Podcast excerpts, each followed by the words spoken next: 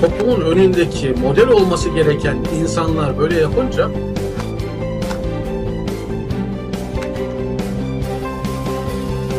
Yani insan kendini düzelttiği zaman bir anda çevresinin de düzelmiş olduğunu görecek.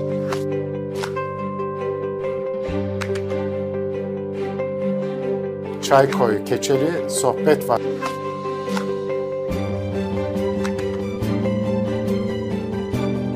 Kahve yerine çay istiyorlar. Doğru.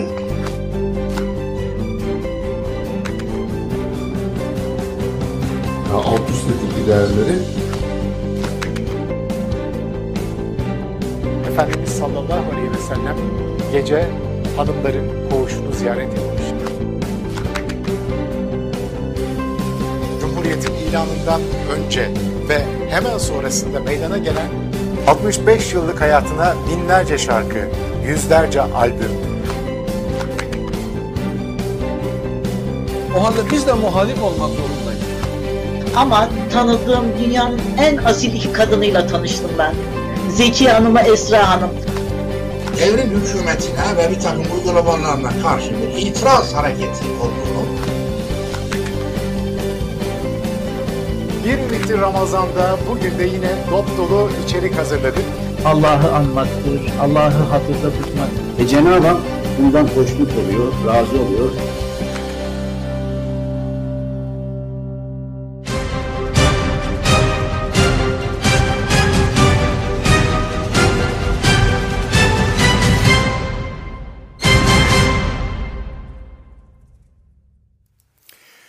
Kritik yorumu seyretmek üzere ASM TV YouTube kanalımıza hoş geldiniz, sefalar getirdiniz kıymetli seyirciler. Takvimler 29 Ocak 2022 Cumartesi'yi gösteriyor ve biz yine kritik yorumla huzurlarınızdayız. Efendim bize ulaşabileceğiniz elektronik posta adresimiz şu anda ekranda asımyıldırım.com at gmail.com Maddi olarak da destek vermek istiyorsanız Patreon hesabımız şu anda ekrana geliyor. patreon.com slash Asım Yıldırım. Kanalımıza abone olmayı, bildirim zilini mutlaka açmayı, beğeniyorsanız beğen tuşuna dokunmayı ve sakıncası olmuyorsa, olmayacaksa yayınların altına, videoların altına yorumlarınızı bırakmayı ihmal etmeyin. Kıymetli seyirciler e, biliyorsunuz geçen hafta yapamadık yayınımızı e, bazı aksaklıklar yüzünden. Bu hafta inşallah kaldığımız yerden devam edeceğiz. Bugün manşet olarak Erdoğan Ergenekon savaşı mı başlıyor şeklinde bir manşet seçtik.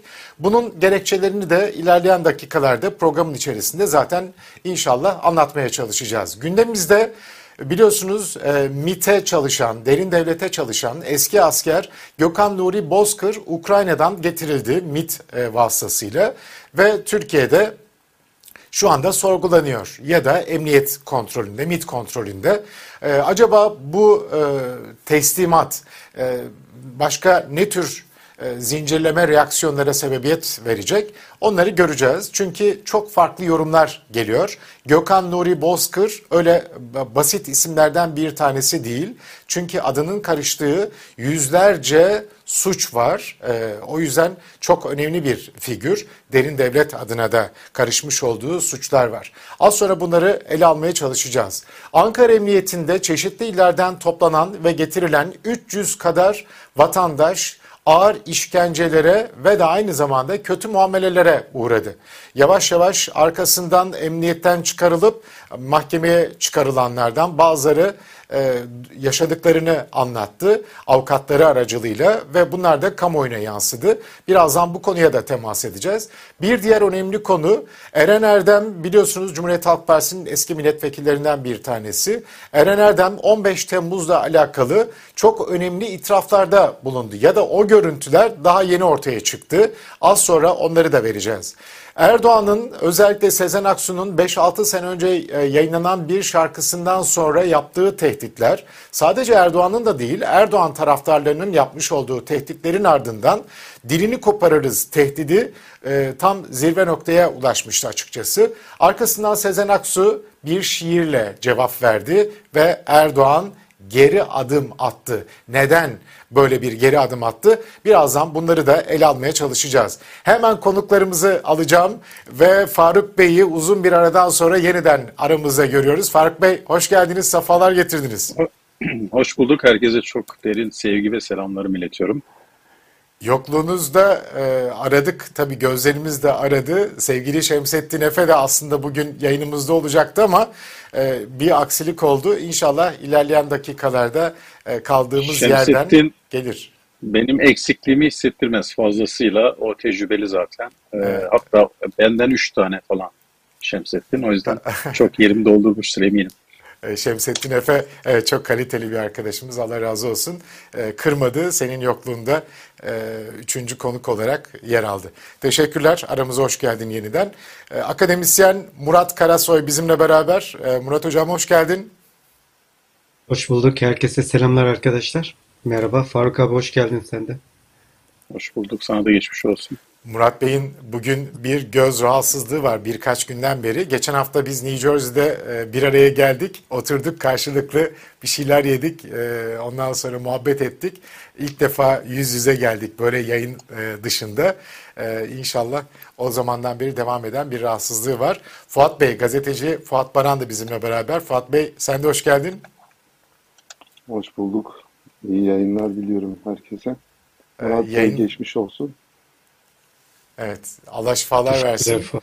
E, Fuat Bey yayından hemen önce mi değiştirdin gömleğini? Çok güzel bir gömleğin vardı. Yeşil bir gömlek giymişti sevgili seyirciler. Ama son anda değiştirmişsin.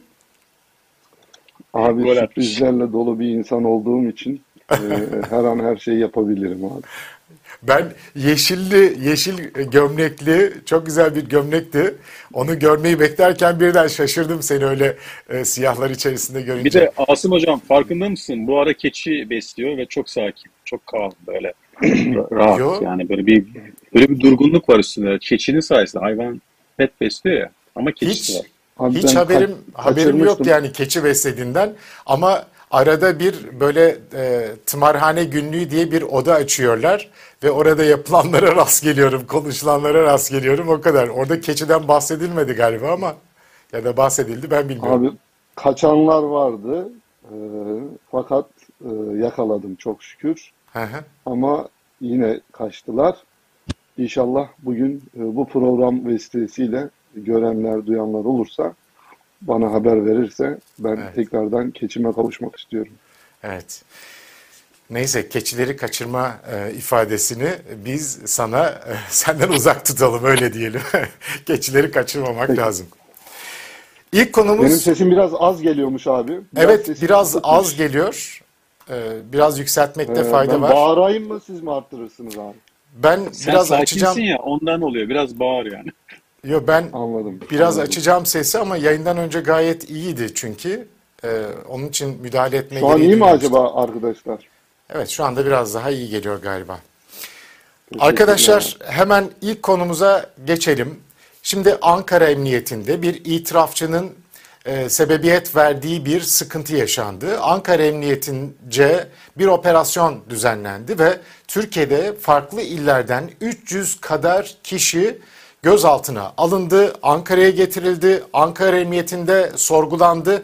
Çiftliğe mi götürdüler yoksa Ankara Emniyetinin içerisinde mi oldu bu sorgulama? Bunu tam olarak bilmiyoruz. Ee, şu anda net olarak bilmiyoruz. Ee, ama çok ciddi e, iddialar var. Ağır işkencelerden geçirildiklerine dair iddialar var. Sosyal medyada gündem oldu. Ee, Ömer Faruk Gergerlioğlu sağ olsun HDP milletvekili çok ciddi olarak takip etti meseleyi. Arkasından sosyal medyada da gündem olunca bu, e, bu kişileri serbest bırakmaya ya da ifadelerini artık e, avukatlar aracılığıyla almaya da başladılar. Avukatlar önünde de almaya başladılar. Bazıları mahkemeye sevk edildi, sevk edilmedi. Bununla alakalı henüz bilgi netliği yok açıkçası. Herkes mahkemeye sevk edildi mi yoksa hala emniyette mi tutuluyor? Bununla alakalı e, hala bilgiler e, net değil açıkçası. Ama Ankara'da 300 kişi işkenceden geçirildi. Şu anda Avrupa'da ya da Amerika'da olanlar bu meseleyi ne kadar biliyorlar bilemiyorum. Ama sosyal medyada bu konu gündeme geldi ve çok önemli bir gündem maddesiydi. Ee, Herkes de tepkisini koymalıydı. Fakat şaşırtan bir hadise oldu. O da şuydu. Ankara Barosu'nda biliyorsunuz baro başkanlığına seçilen e, bir isim vardı ve haktan hukuktan e, e, bahseden birisi. Aynı zamanda e, özgürlüklerden, işkenceye karşıtlığıyla bilinen isimlerden birisiydi.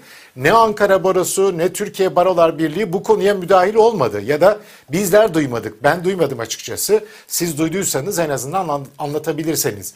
Ne muhalefetten doğru düzgün bir ses geldi ne sivil toplum örgütlerinden bir ses geldi ve Ankara'da 300 kişi işkenceye uğradı. Evet Fuat Bey senden başlayalım. Ee, bu konuda Ankara'daki işkencelerle alakalı ne diyeceksin? Aslında bu ilk olay değil. Hatırlarsanız Ankara Emniyet e, Müdürlüğü'nde daha önce de dışişlerindeki bürokratlara işkence yapılmıştı. Hı hı. Ve e, onları da biz gündeme getirmiştik.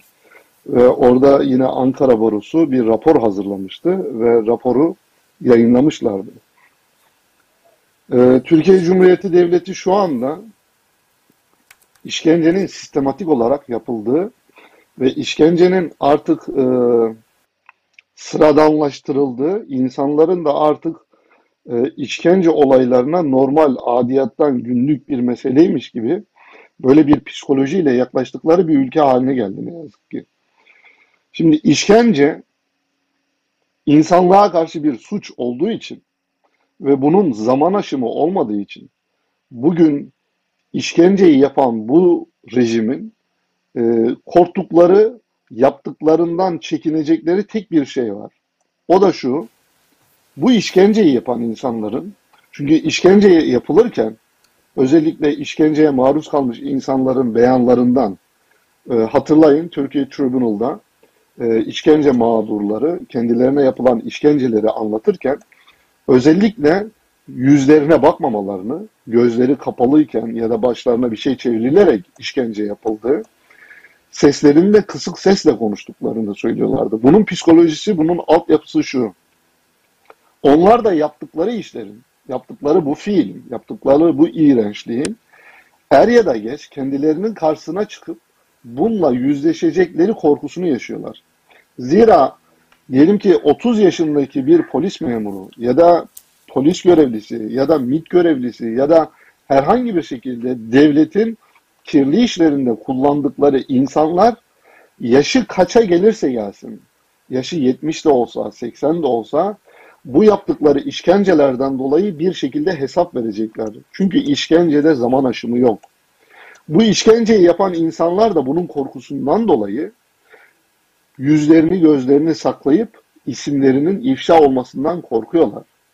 Ve ne yazık ki işkenceye tabi olmuş insanların da çok az kısmı işkence gördükten sonra yaşadıkları bu travmayı birilerine anlatmama, yap, kendisinin başına gelen o işkenceyi detaylı olarak kayda almama, suç duyurusunda bulunmama gibi bir durum söz konusu Türkiye'de. Bunların bazılarını ben e, eleştiremem zira yaşadıkları kolay şeyler değil. O travmayı üzerlerinden atabilme ya da eğer konuşursam benim başıma gelen şeyler tekrar başıma gelir mi? Ya da benim yakınlarımın başına gelir mi? Korkusuyla bu şeyler kayıt altına alınmıyor, yazılmıyor. Bu konuda o zaman kime iş düşüyor?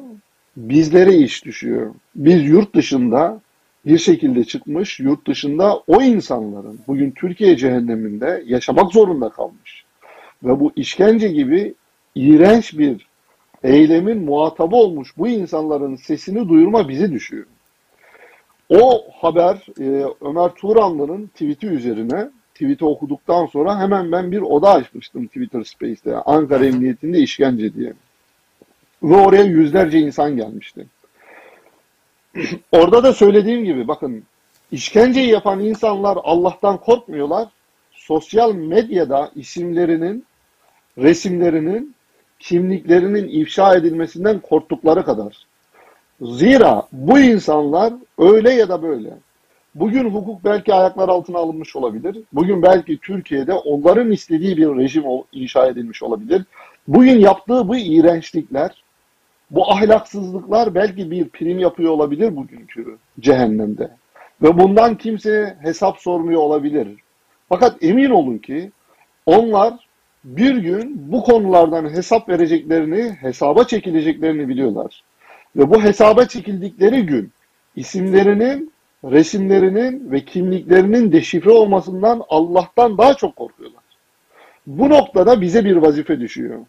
Ben Twitter Space odasımı açarım. YouTube yayınımı yaparım. Tweet mi atarım? Clubhouse'da odamı açarım. Ya da birilerini harekete mi geçiririm? Bu iddiaları Amnesty gibi ya da Ömer Faruk Gergerlioğlu gibi, Sezgin Tanrıkulu gibi dünyanın değişik yerlerinde ve Türkiye'de bu konulara hassas insanlara duyurmaya mı çalışırım? Bu noktada bize düşen vazife bu.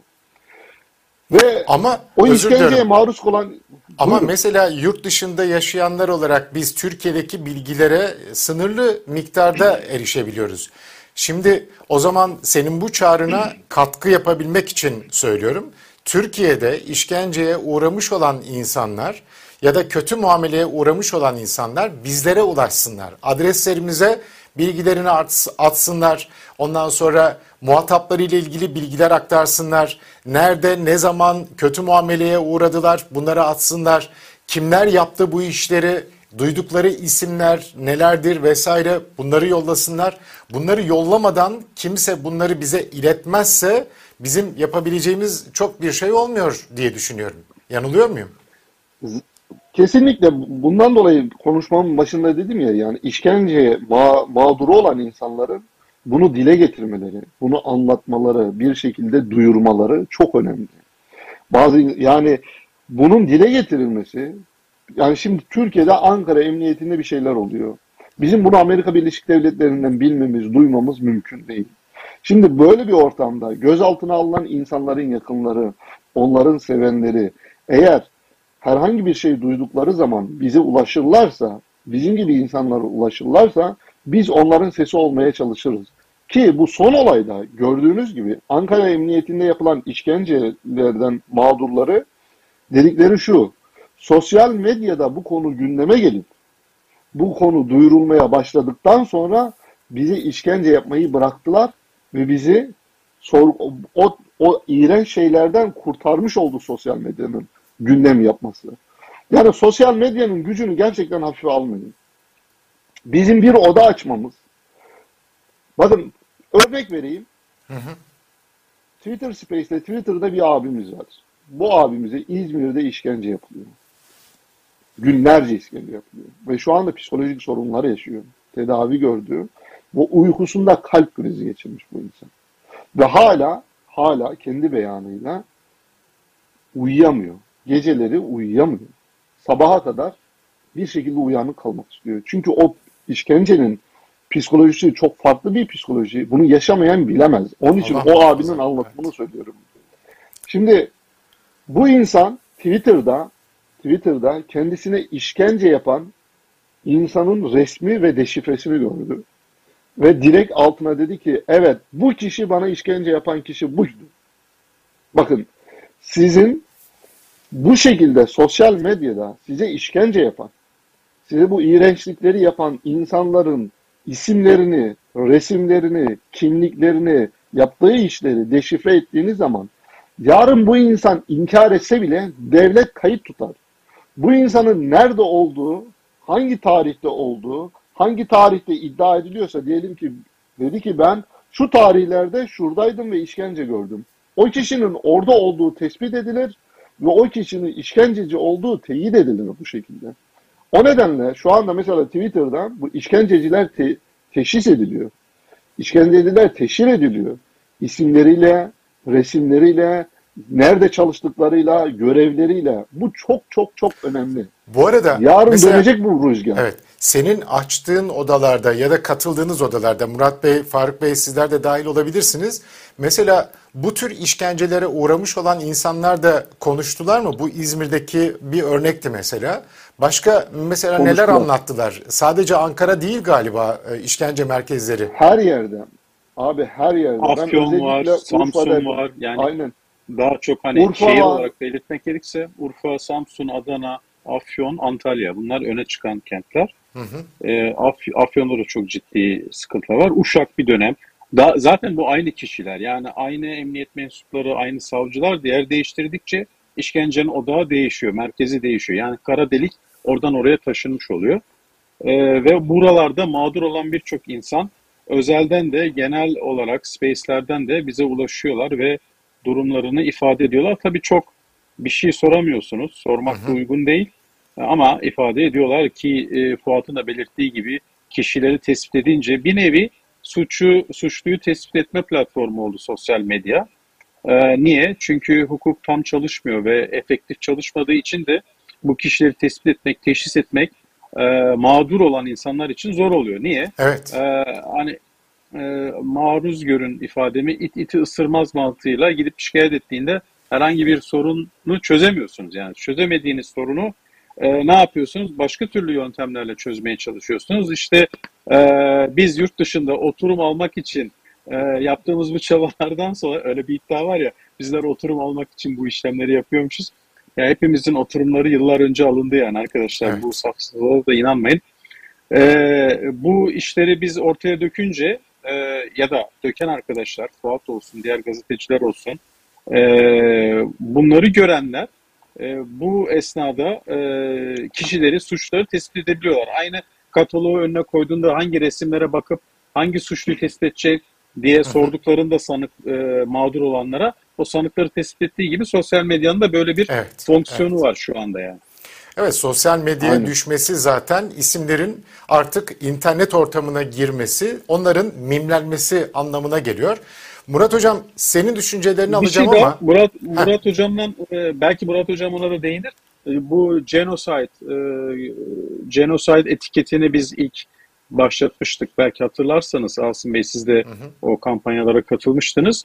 Mesela diyelim ki biri bir suç işlediğinde ifade açısından da teşkil edilecek suçlar olabilir. Fiziki suçlar da onları etki, etiketlediğimizde bu kişilerin e, tabii ki Türkiye içerisinde e, hukuki bir etkinliği yok onun ama yurt dışına e, seyahat ettiklerinde veya başka merciler bu konuda search ettiklerinde bir şeyleri evet. o kişilerin isimlerinin önünde bu etiketlerin olması e, çok fayda sağlıyor. Faydasını da gördüğümüzü duyuyoruz yani. Evet. E, yine böyle işkence e, sanıklarının, insanlık suçu işleyen sanıkların bu şekilde etiketlenmesi sosyal medyada çok önemli bir adım. Evet.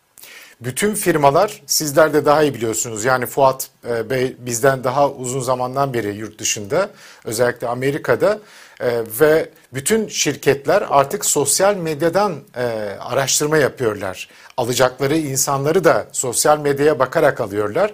İnternetten de araştırıyorlar.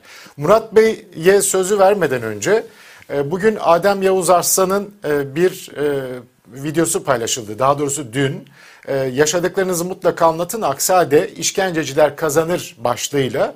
Buradan yola çıkarak Mahir Aydın isimli bir e, hesap var. Oradan izniniz olursa çok önemli bazı maddeler var. Onları okumak istiyorum. Kıymetli seyirciler diyor ki bu hesapta lütfen bu önemli korkmayın çekinmeyin her şey ama her şey kayıt altına girmeli. Ben bir şey yaşamadım sadece tutuklandım diyenler de bir KHK'lılar Gözaltı tutuklular bile hukuksuz. Kameralarla çekim yapmaları, ters kelepçe, çıplak arama, 7 kişilik yerde 40 kişinin kalması, telefon, mektup, kapalı ve açık görüş ihlalleri, dilekçenin kaybolması, Kur'an, kitap, gazete verilmemesi, kantinin kısıtlanması, hijyen hakkı, WC, banyo yetersizliği, sıcak su ve soğuk su kısıtlanması, havalandırma ve sosyal faaliyet hakkı, mahkemeye sevkler, yiyeceklerin yetersizliği, sağlıksızlığı, nakiller ve koğuşuk koğuş değişiklikleri, revir, hastane ve tedavi gecikmeleri, pandemi dönemi ki çok ama çok önemli çünkü mecliste şartlı tahliye ile 100 bine yakın insan tahliye edilmişti. Ancak yaşlı, hamile ya da çocuklu olmasına bakılmadan, ağır hasta olmasına bakılmadan, zalime on binlerce insan eşit muamele ve ayrımcılığa maruz kalarak tutuklu halleri devam etti. Hukuksuzluk mecliste alenen oylandı ve maalesef de kabul edildi kıymetli seyirciler. Ee, o gün 1 milyonu geçen tweet atıldı bu konularda. İlaç ve muayene yetersizlikleri, infaz ve cezaevlerinde yaşanan o kadar hukuksuzluk, sayımdan koğuş aramalarına kadar yaşanan hukuksuzluklar vesaire vesaire vesaire. O kadar çok şey var ki aslında Bunların hepsini not etmelisiniz di- diyorlar. Özellikle Adem Yavuz Arslan'ın da o videosunu da mutlaka seyretmenizi tavsiye ediyorum. Yaşadığınız tüm hukuksuzlukları belgelendirin, yazın bir yerlere. Belgelendirmek çok kolay değil, o da ayrı bir konu ama mutlaka yazın tarihiyle, saatiyle beraber ve bunları işte gazeteci arkadaşlara, yurt dışındaki avukatlara, bu konularda e, ücretsiz destek veren avukatlara vesaire bizlerin aracılığıyla da ulaşabilirsiniz. Mutlaka iletin bize. Murat Hocam sen de e, Fuat Bey gibi, Faruk Bey gibi bu odalara katılıyorsun ve Ankara'daki bu işkence iddialarını da takip ettin. Senin yorumun ne olur? Ya şimdi e, tabii bir sinek var, pislik taşıyor. E, ve bu sinek geliyor pisliğini insanların, pırıl pırıl insanların üzerine konarak o pisliklerini e, burada şey yapıyor. Yalnız benim burada mücadele biçimim nasıl olmalı? Çünkü artık yorulduk, bıktık, artık yani içimiz dışımıza çıktı. İşkence, o bu yani günlerce, haftalarca kendimize gelemediğimiz durumlar oldu işkencelerle ilgili. Şimdi ben burada farklı bir analiz yapmak istiyorum. Faruk Bey'in hatırlattığı iyi oldu aslında. Bu Gülen Said etiketiyle biz insanları etiketliyoruz. Böyle bu tarz nefret söylemi ve e, faşist uygulamalar yapan kişileri sosyal medyada hani arandığında e, kolayca bulunsun diye. Tamam şu anda Türkiye hukukunda bu Gülen Said bir suç değil. Yani Gülen kırımı, Gülenci kırımı anlamı taşıyor. Suç değil ama e, hep devir de böyle devam etmeyecek. Bu hususta da gerekli adımlar atılıyor. E, gerek Avrupa'da gerek e, dünyanın değişik ülkelerinde. Şimdi ben burada tabii bunu da e, söylemiyorum. Yapılması gereken şeyler arasında ben bir şey söylemek istiyorum arkadaşlar. Bir analiz yapmak istiyorum. Şimdi muhalefetin e, bu hani Ankara Barosu işte ortada Barolar Birliği Başkanı yani e, başımızı e, başı kesik bir tavuk gibi kah sağa kah sola toslayıp duruyoruz. Ya ben buradan farklı bir şey söylemek istiyorum. Muhalefetin top yekünüyle beraber tüm KHK'lılara ve süreç mağdurlarına sahip çıkmaması ya bu kitleyi cebri olarak bir noktaya sürüklüyor. Hı hı. Bu nokta neresidir diye sorulabilir. Bu sorunun cevabı yurt içi ve yurt dışı diye ikiye ayrılıyor bence. Yani yurt içinde neler yapılabilir, yurt dışında neler yapılabilir şeklinde. İki ayrı stratejiyi gerektiriyor bu da. Bu iki grubun içinde bulundukları devlet yapıları hangi demokratik hakları kullanmayı gerektiriyorsa onları yapacaklarından da eminim bu insanlar. Konuyu Türkiye özelinde düşünecek olursak Türkiye'deki devlet tırnak içerisinde apolitik olan e, kişileri, grupları istemiyor kardeşim. Bir apolitik alan istemiyor kendi karşısında. Dolayısıyla tüm alanların politik olmasını istiyor. Ya bu sebeple de Türkiye'deki devlet bence biraz Marksist bir devlet yapısı var. Birazcık. Dolayısıyla ben burada hizmet hareketinin Türkiye'de kamu hizmetinden KHK'larla atılmasını politik tavır alışından dolayı değil. Yani bir partiyle kol kola, kucak kucağa, bacak bacağa yürüdüğünden dolayı falan değil. Bilakis apolitik duruşu nedeniyle olduğunu düşünüyorum. Çünkü devletler için apolitik alanlar kolay yönetilemez. Siz o alanı, o kişileri kolay edemezsiniz. Apolitik olmadıklarının, politik olmadıklarından dolayı. Şimdi bağlama dönecek olursak arkadaşlar, ben Türkiye'deki devletin KHK'lıların politik dönüşlerine ve siyaset üretmelerine sıcak bakabileceğini düşünüyorum. Tekrar edeyim. Hı hı. Ben Türkiye'deki devletin KHK'lıların politik dönüşlerine ve siyaset üretmelerine sıcak bakabileceğini düşünüyorum. Eğer bu analizim de doğru çıkarsa 2-3 seçim sonra KHK'lıların da yönetimde olduğu günleri görebiliriz diye düşünüyorum. Yani bizlerin bir an önce artık siyaset arenasında var olmamız lazım. Tüm dünya milletlerinin, insanların iyiliği, hayrı, faydası için siyaset üretmemiz lazım Asım Bey. Kapılar Yani yürümeli. Yani KHK'lılar olarak diyorsunuz KHK'lar doğru mu? kendisi. Evet. Evet. Evet. Evet, evet. Evet. Kapılar sürmeli. Bak- Gidiş yok. Gidiş yok, kaçış yok. Kimse savunmuyor bizi. Ne iktidar savunuyor, ne muhalefet savunuyor. Bakın bizim bu noktada yapabileceğimiz tek şey bu arkadaşlar. Tek şey bu. Evet, kendi sesini duyurmak ben- için organize olmak. Fuat Bey buyur. Kısaca alayım, konuyu iki- değiştireceğiz. iki- evet, i- i- iki nokta. Bir, Ankara Barosu meselesinin üzerinden çok durmadık. Bakın rapor hazırlandı dedi, yayınlanmadı. Hı hı. Rapor hazırlandı dedi, yayınlanmadı. Hatta raporu yayın- yayınlanmadı? hazırlayan raporu yayın, hazırlayan avukat şey dedi ya e, niye yayınlanmadı ben de bilmiyorum ama biz hazırladık gibi Ha. bir garip bir şey. Yani hazırlandığını biliyoruz. Hazırlandığını bir Ömer Faruk Gergerlioğlu da çağrıda bulundu. Niye yayınlanmıyor diye. Hı hı. Neden çekiniyorsunuz? Birincisi bu. İkincisi şimdi bizim odalarda ben şahsım adına söyleyeyim. Murat Hoca ıslak banyo terliği kullanıyor genelde. Fakat ben şahsım adına benim odalarda kimsenin profiline, ismine, ismine bakmadan konuşmacı olarak alırım ben. Çünkü gelsin, konuşsun, çok çok küfreder. Biraz rahatlar, ondan sonra atarım. Ama küfretmedikten sonra, fikrini edep dairesi içerisinde ifade ettikten sonra e, hiçbir problem yok benim için. Fakat benim gördüğüm bir şey var. Özellikle işkence konusunu konuşuluyor. Bir odada Ankara Emniyetinde işkence var. Ve yüzlerce kişi var o odada. Bazı insanlar Şimdi bir insan işkenceye karşı durması onun politik ya da ideolojik ya da farklı bir motivasyonundan değil, kendine saygısından dolayı işkenceye karşı durur. Yani onur, insanlık onuru dediği bir şeye saygısı varsa, kendisine bir saygısı varsa, işkence yapanın yanında değil, işkenceye maruz kalanın yanında durur. Ve bunu amasız ve fakatsız yapar. Bir çıkar için, bir amaç için, bir mesaj vermek için yapmaz bunu. Çünkü senin durman gereken yer orası. Orada durman bir nimet değil bize. İşkenceye karşı çıkman sana bir artı point işkenceye maruz kalmış ve bugün hala maruz kalan, açlığa mahkum edilmiş, evinden atılmış, işinden atılmış, malına çökülmüş, çoluğundan çocuğundan koparılmış insanların dertlerini anlattıkları odalara gelip Sizler de dün bunları yaptınız. Sizler de bunlar yapılırken ses çıkarmadınız. Sizler de bu işin içindeydiniz diye söze başlayıp içindeki kini, nefreti kustuktan sonra ama bugün size yapılanların karşısındayız ve size yanınızdayız demeniz benim şahsen benim o işkenceyi yapan insanlardan daha iğrenç bir durum gibi gösteriyor benim gözümde. Kardeşim, acımı paylaşıyorsan paylaş.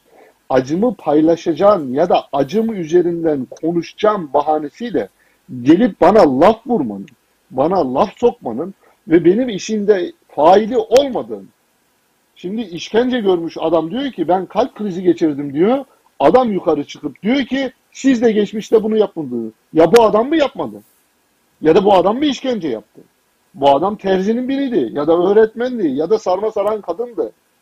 Yani bu insanlara karşı gelip sizin yanınızdayız deyip o iğrençlikleri yapmayın. Ve bu inanılmaz itici, Evet, evet. inanılmaz mide bulandırıcı bir hal alıyor. Ve biz sizin bizim yanımızda olmasını ben şahsım adına konuşuyorum. Benim yanımda olma kardeşim. Eğer gelip benim yapmadığım şeylerden dolayı gelip beni suçlayacaksan, gelip bana laf sokacaksan, devletin yaptığı bütün günahları, bütün hataları getirip benim boynuma yükleyip ondan sonra da ama ben senin yanındayım diyeceksen gelip benim yanımda durma kardeşim. Evet. İyi oldu. Ben de böyle söyleyenlere o kadar sert çıkasım geliyor ki e, geçen gün bir tweette yazdım. E, bu konularda söylenecek çok şey var aslında. Böyle bunları söyleyen insanların suratına böyle şamar vurasım geliyor. Sözlerle şamar vurasım geliyor. Çünkü e, aynı şeyi o zaman ben siz olarak baktığımda her şeyi siz yaptınız derim. Hırsızlığı da, yolsuzluğu da, rüşvetçiliği de, tecavüzleri de, işkenceleri de siz yaptınız demek icap ediyor. Ama işte e, onlara onların yaptığı şekilde karşılık vermek edebe aykırı olur. Üstad Hazretleri'nin de bir öğretisi içerisinde. Neyse bu konuyu Abi- değiştirmek istiyorum. Abi bu edebe aykırı olur kısmında ben bir şerh düşeyim. Abi bakın. Çok yumuşak olma, çok alttan alma sizi abi silik ve sizi güçsüz gösteriyor bazen. Kutuksuz gösteriyor. Edepsize karşı, evet edepsize karşı, bu hadsize karşı abi birazcık dik durmak gerekiyor. Bu ayrı Ben bir şey. o gün yani odada dik durmak, çıktım. dik durmak ayrı O, bir şey. o yani benim o, o, o gün odada çıktım ve Aha. konuştum. Konuştum. Aynen bu bu söylemleri söyledim. Kardeşim gelmeyin o zaman odalarımıza. Biz sizin yanımızda durmanıza muhtaç değiliz. Gelirsen ben bir şey kazanmayacağım. Sen bugün yapılan iğrençliklerin yanında durmadığını ispat etmiş olacaksın. Bana bir kazancın yok. Kendine Evet, bir kazancın evet. var. Yok, bu Onun için konuda gelip nimetmiş gibi Evet. yapma bana. Bu konuda bu konuda e, yaklaşımın doğru. Ben zaten dik durulması taraftarıyım. Kesinlikle ve kesinlikle taviz verilmemesi taraftarıyım. Ama benim öğreticim onların bana gösterdikleri tepki ya da onların bana e, ne diyelim suçlamalarından yola çıkarak onların yaptığı gibi yapmış olursam benim öğretmenim onlar olurlar. Benim öğreticim onlar olurlar. Benim öğreticim onlar değil. Benim öğreticim Efendimiz sallallahu aleyhi ve sellemin ölçülerinde ne varsa o, Üstad Hazretleri'nin anlattıklarında ne varsa odur. Ben dik durmaya devam ederim, hakkımı aramaya da devam ederim. Ama dediğin gibi uzak kalın kardeşim. Yani böyle söyleyecekseniz, bana böyle destek verecekseniz uzak kalın. Desteğinize ihtiyacımız yok. Çok net biçimde söylemek lazım. Ee, izniniz olursa e, Eren Erdem'in videoları var. Eren Erdem'in videoları ortaya çıktı. Ee, ve arkasından da yayınlar yaptı vesaire açıklamalar yaptı mı yapmadı mı onu çok bilmiyorum ama e, yıllar önce Bekir Bozdağ'ın Adalet Bakanlığı sırasında mecliste komisyonda yaptığı bir konuşma var. Doğan Haber Ajansı e, görüntüler e, sunmuş. Doğan Haber Ajansı'nın kayıtları var. Arkasından e, genç bir e, arkadaş var Çağlar Cilara diye. Onun programında anlattıkları var. İzniniz olursa onları bir seyredelim. Çünkü Eren Erdem'in bu itirafları aslında çok konuşulması gereken itiraflar diye görüyorum. Eren Erdem'in bu itiraflarından sonra 15 Temmuz'la alakalı e, söylenecek çok ama çok şey var. Bir kere daha söylediklerimiz teyit edilmiş oluyor. O da ayrı bir konu. Buyurun önce bir mutabakat oluşmuştu orada. Ve bu mutabakat oluştuktan sonra meclis kürsüsüne çıktı. Ee, yanılmıyorsam Sayın Bekir Bozdağ. Konuşmaya başladı. Diğer partiler de oradaydı. Bu yayınlandı. Bu yayınlanınca darbecilerin bütün motivasyonu bitti.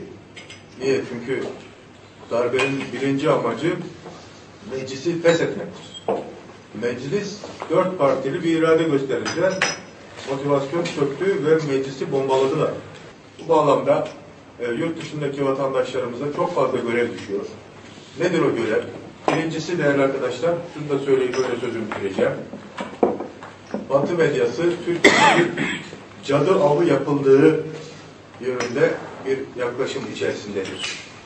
Yani bu örgütle alakası olmayanların da tutuklandığını iddia eden ifadeler oluyor. Bu anlamda hükümet ne derse desin ikna edici olamayabilir. Çünkü hükümettedir. Ama biz ana muhalefet partisi bizim şu beyanımızı bu tartışmaların e, yapıldığı her yerde kullanabilirsiniz. Süreçte hükümet yapmış olduğu bütün operasyonlarda bize müracaat etmektedir. Yani bizim de görüşümüzü almaktadır. Bizim de önerilerimizi dinlemektedir. Olağanüstü bir karşılıklı bilgi alışverişi içerisinde süreci yürütmekteyiz. Süreç tamamen bir uzlaşma ve mutabakat zemininde yürüyor. Türkiye'de şu anda bir cadı avlu yapılmayışının da bu anlamda beyanını ana muhalefet partisi olarak biz söylüyoruz. Bu ifadeler aslında korkunç gerçekleri de ortaya koyuyor. 15 Temmuz'u 4 parti de biliyordu, onların mutabakatıyla oldu. Arkasından hükümet yaptığı bütün eylemleri bize danışıyordu, bizim de onayımızı alıyordu. Bunların hepsinden haberimiz var. Cadavı yoktur diyerek bitiriyor. Cadavı bu sözlerden sonra e, bal gibi vardır. O da ayrı bir konu. Bir video daha var. Onu da seyredelim arkadaşlar. Sonra e, Murat Bey'den başlayarak. Yok bugün bu defa Faruk Bey'den başlayalım. Abi- Faruk Bey'in yorumlarını abi, alacağız bence, önce. Bence abi ka- ka- şey bölmek istemem ama abi bence Buyur. bu videoyu yorumlayalım. Öbür videoyu ondan sonra yorumlayalım. Çünkü bu video e, önemli. Öbür video başka bir önemli. İki ayrı şey var abi. İki, ikisi Bence de önemli. videoyu- yani Evet, onun için Bunu yorumlayalım abi ondan sonra tamam. yorumlayalım. O zaman böyle beşer dakikadan yorumlarınızı alacağım. Buyur Faruk Bey.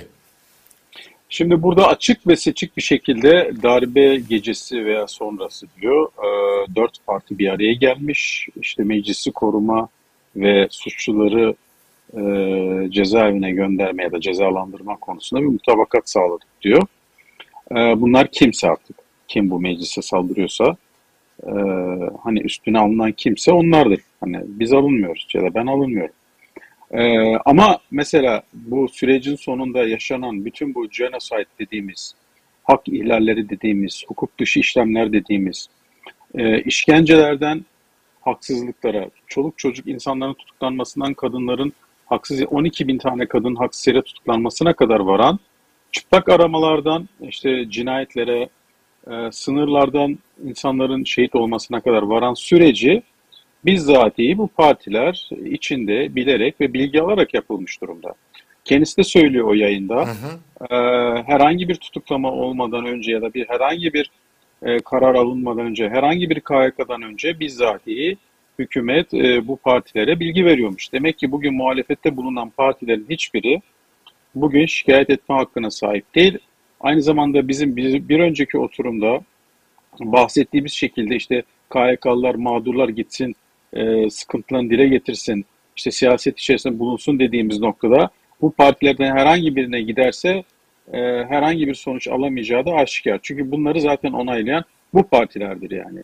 Bu partiler rejimin bir e, dayanak noktasıdır. E, rejimin e, kendi e, hastalıklı fikirlerini ortaya koyması için oluşturduğu atmosferi destekleyen, bu ceberut rejimin oturmasını sağlayan e, faillerdir. Onlar da sanıktır benim gözümde. Hepsi sanıktır yani. Evet. Hiçbirisi değişmez. Bu sözler kesinlikle bu söylediğinizi destekleyen ifadelerle e, destek olmuş olacağım size. Bu sözler e, bu suça ortak olduklarının itirafıdır ve uygulanan genoside'a, soykırıma onlar da ortaktırlar. Cumhuriyet Halk Partisi de, MHP de, başka dört parti demişti. O diğer partiler hangileri ise onların hepsi de ortaktır. HDP de dahilse buna onlar da ortaktırlar. Evet Murat Hocam senin yorumun ne? Ben çok kısa konuşacağım. Ee, esas ben e, Sezen Aksu'dan sonra muhalefet eleştirilerimi yapacağım. Ama burada da şunları söylemeden e, geçmek istemiyorum. Daha önce de biliyorsunuz yani burada kritik yorumda da doğruluğun ve dürüstlüğün gereği olarak biz defalarca bunu dile getirdik. E, muhalefetin iktidardan farkı yok. Bunların hepsi aynı. Biri sağda biri solda duruyor. Bunlar aynı. Bunlar Yeni Kapı'da bir mutabakat sağlandı. Arkadaşlar bakın mutabakat ne demek biliyor musunuz? Yani mutabakat. Ülkenin kırmızı kaplı kitabı gibidir. Güvenlik stratejisidir. Yeni Olay Kapı- bitmiştir arkadaşlar. Onun simgesi oldu Mutabak- değil mi Murat? Aslında mutabakatı Evet, evet. başka da yeni kapı onun simgesi oldu yani. Aynen aynen öyle Faruk Bey. Yani Yeni Kapı'da adamlar aslında gizli saklı bir şey yok. Ya lütfen kafamızı kumdan çıkartalım. Seyirciler, dinleyiciler, CHP'liler, AKP'liler, işte bu yaşanan şeylerden rahatsız olan kim varsa dizi seyreden arkadaşlar sizlere sesleniyorum. Kafanızı kumdan çıkartın. Bunlar bir mutabakatla. Nedir mutabakat? Ya kurucu babaların çoluğu çocuğu yavaş yavaş yerini pozisyonunu kaybetmeye başladılar.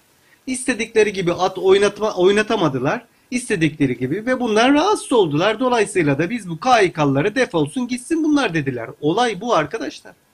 Ya bunu kabullenin ya. Bu zulümlerin kaynağı bu arkadaşlar. Mevzu bu. 100 yıl geçti. Alışık bu Türk milleti. 100 yılda bir devlet kurar. 100 yıllık ayar vermeye çalışıyorlar devlete. Arkadaşlar bunu kabullenin. Bunu kabul edin. 100 yıllık yeniden yeni bir başlangıçla, yeni ayarlarla, yeni setup'la, yeni settinglerle devleti yeniden kurmak istiyorlar ve yaptılar bunu. Arkadaşlar kim bakın bu kavga ya AKP'liler, MHP'liler, CHP'liler bakın bu kavga sizin kavganız değil. Bu kavga sizin kavganız değil. elitist bir yapının kavgası. Jacoben bir yapının kavgası. Rica ederim kimseye FETÖ'cü metücü demeyin. Bu kavga senin benim kavgam değil. Hala akıllanmadık mı ya? Ya kulaklarımızdan tutmuşlar, kafalarımızı tokuşturup duruyor ya birisi. Ya görelim bunu arkadaşlar. Birbirimizi töhmet altında bırakmayalım artık. Ama ben esas e, e, az sonra konuşacağım Asım Bey. Peki. E, esas muhalefet eleştirim sonra. Peki. Evet Fuat Bey, senin yorumun nedir Eren Erdem'e? Bu arada Eren Erdem'i tanıyor musunuz arkadaşlar? Ben iyi tanırım abi. Tanıyorum. Nedir? Mesela kısaca Şimdi- geçmişinden biraz bahseder misin? Yani ben de tanıdığım için söylüyorum. Ya, Eren İnsan- Erdem e, Niye eskiden ulus- ben bunu ulusal- niye sordum sevgili Fuat?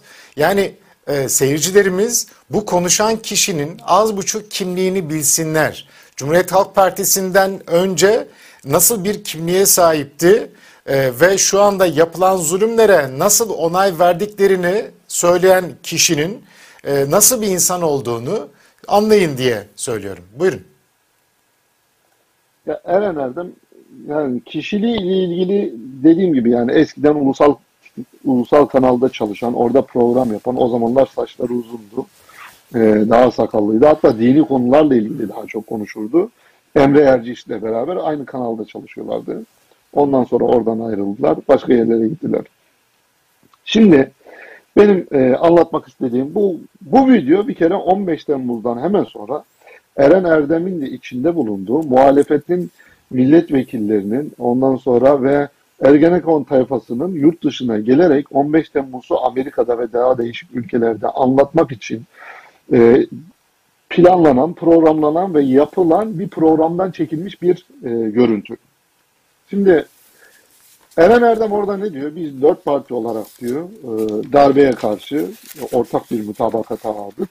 Bunu darbeden önce yaptıkları ile ilgili benim bir bilgim yok. Oradaki ifadelerden yani o gün o mecliste darbeye karşı yani eğer 15 Temmuz bir darbe ise öyle bir ortam oluşturulmuşsa o gün o ortamda biz böyle bir mutabakata vardık diyor. Fakat bana daha ilginç geleni şu. Şimdi Eren Erdem diyor ki yurt dışında diyor yurt dışındakiler diyor e, yurt dışında yaşayan insanlar diyor böyle Türkiye'yi bilmeyen insanlar cadı avı yapıldığıyla ilgili kanaatler olabilir. Yok suçlu suçsuz yargılanıyormuş, tutuklanıyormuş. Bunlar tamamıyla yanlış. Bunu anlatmanız lazım. Hatta diyor ki bunu hükümetin söylemesi inandırıcı olmayabilir. Biz muhalefet olarak da bunun böyle olmadığını savunuyoruz diyor. Şimdi aynı Eren Erdem 15 Temmuz'dan sonra ni- niye gözaltına alındı Eren Erdem? Niye hapse atıldı? Neden atıldı biliyor musunuz? Eren Erdem'in hapse niye girdi Eren Erdem? Neden? İran yani Eren Erdem İrancı olmakla bakın İrancı olmakla ondan sonra e, şeyin e, bu yakalanan MİT tırları ile ilgili CHP'nin ve, vekili vardı. Onu savundu ve onun da İran bağlantısı olduğu bahanesiyle Enis Berberoğlu. gözaltına alındı. Evet. Şimdi ya cadavı yok ama cadavının maruzu oldu. Şimdi Türkiye'de cemaate karşı bir mütabakat niye olmaz?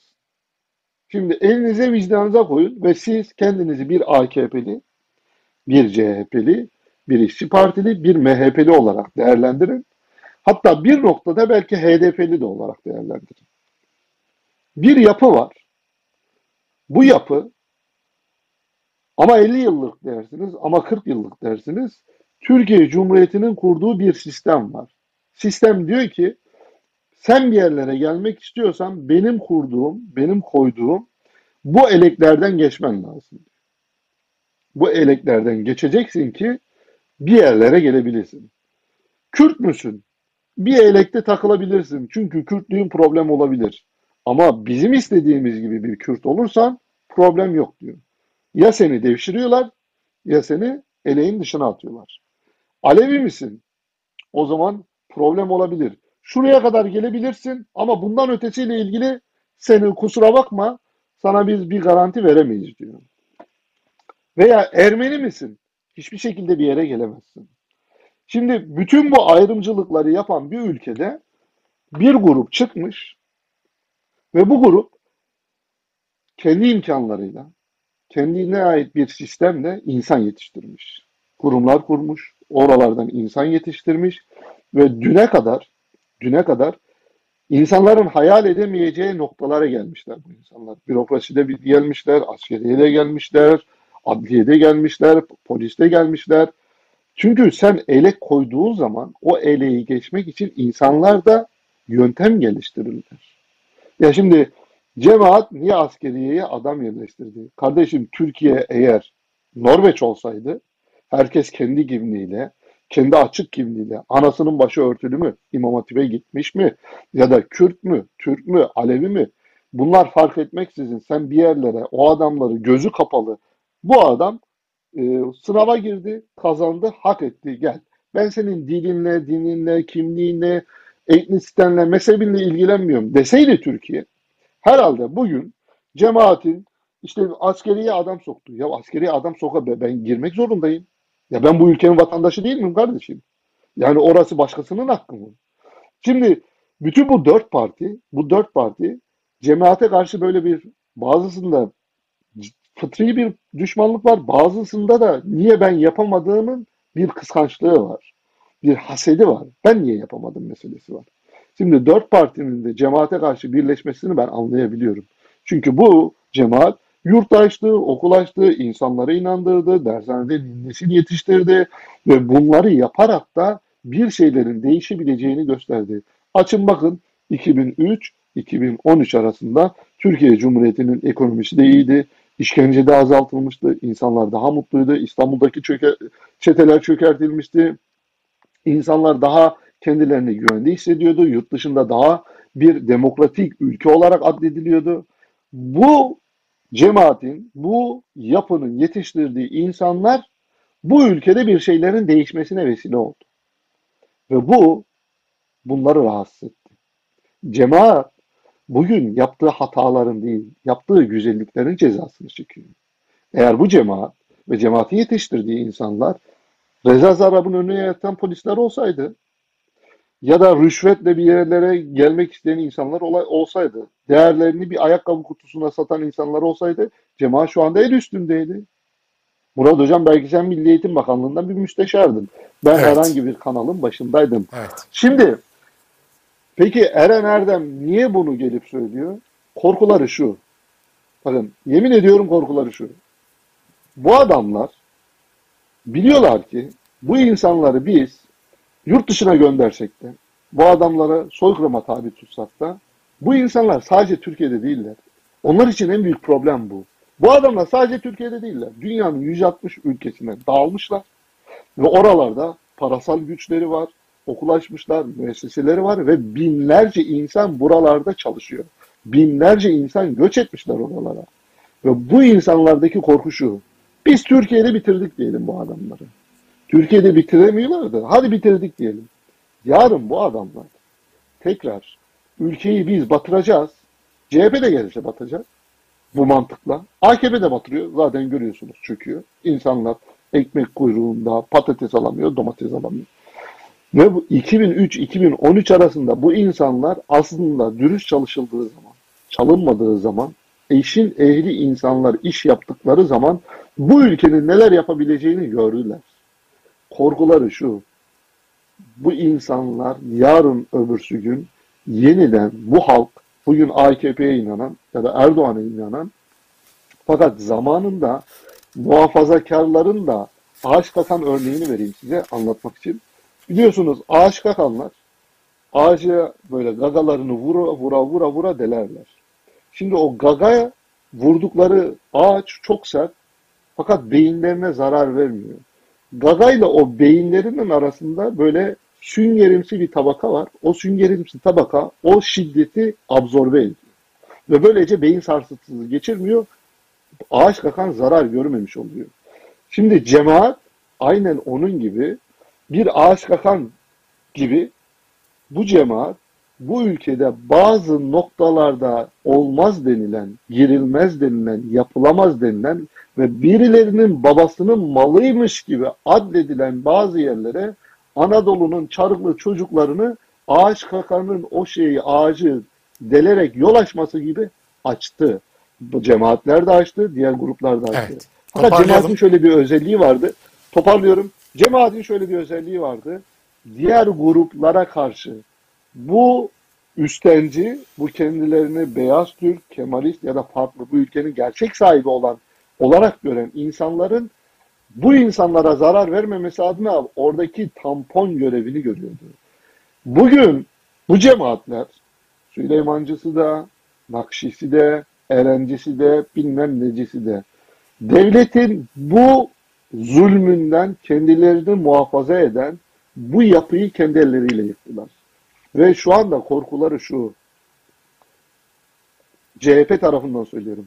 Bu grup tekrar bu insanların mağdur edilmemesi adına yurt dışındaki okulları, lobileri, ya, kurdukları diasporasıyla bizim yapmaya çalıştığımız AKP gittikten sonra tekrar eskiye dönerek bu dindar kesimin üzerine çökme planlarımıza bu adamlar engel olabilir mi?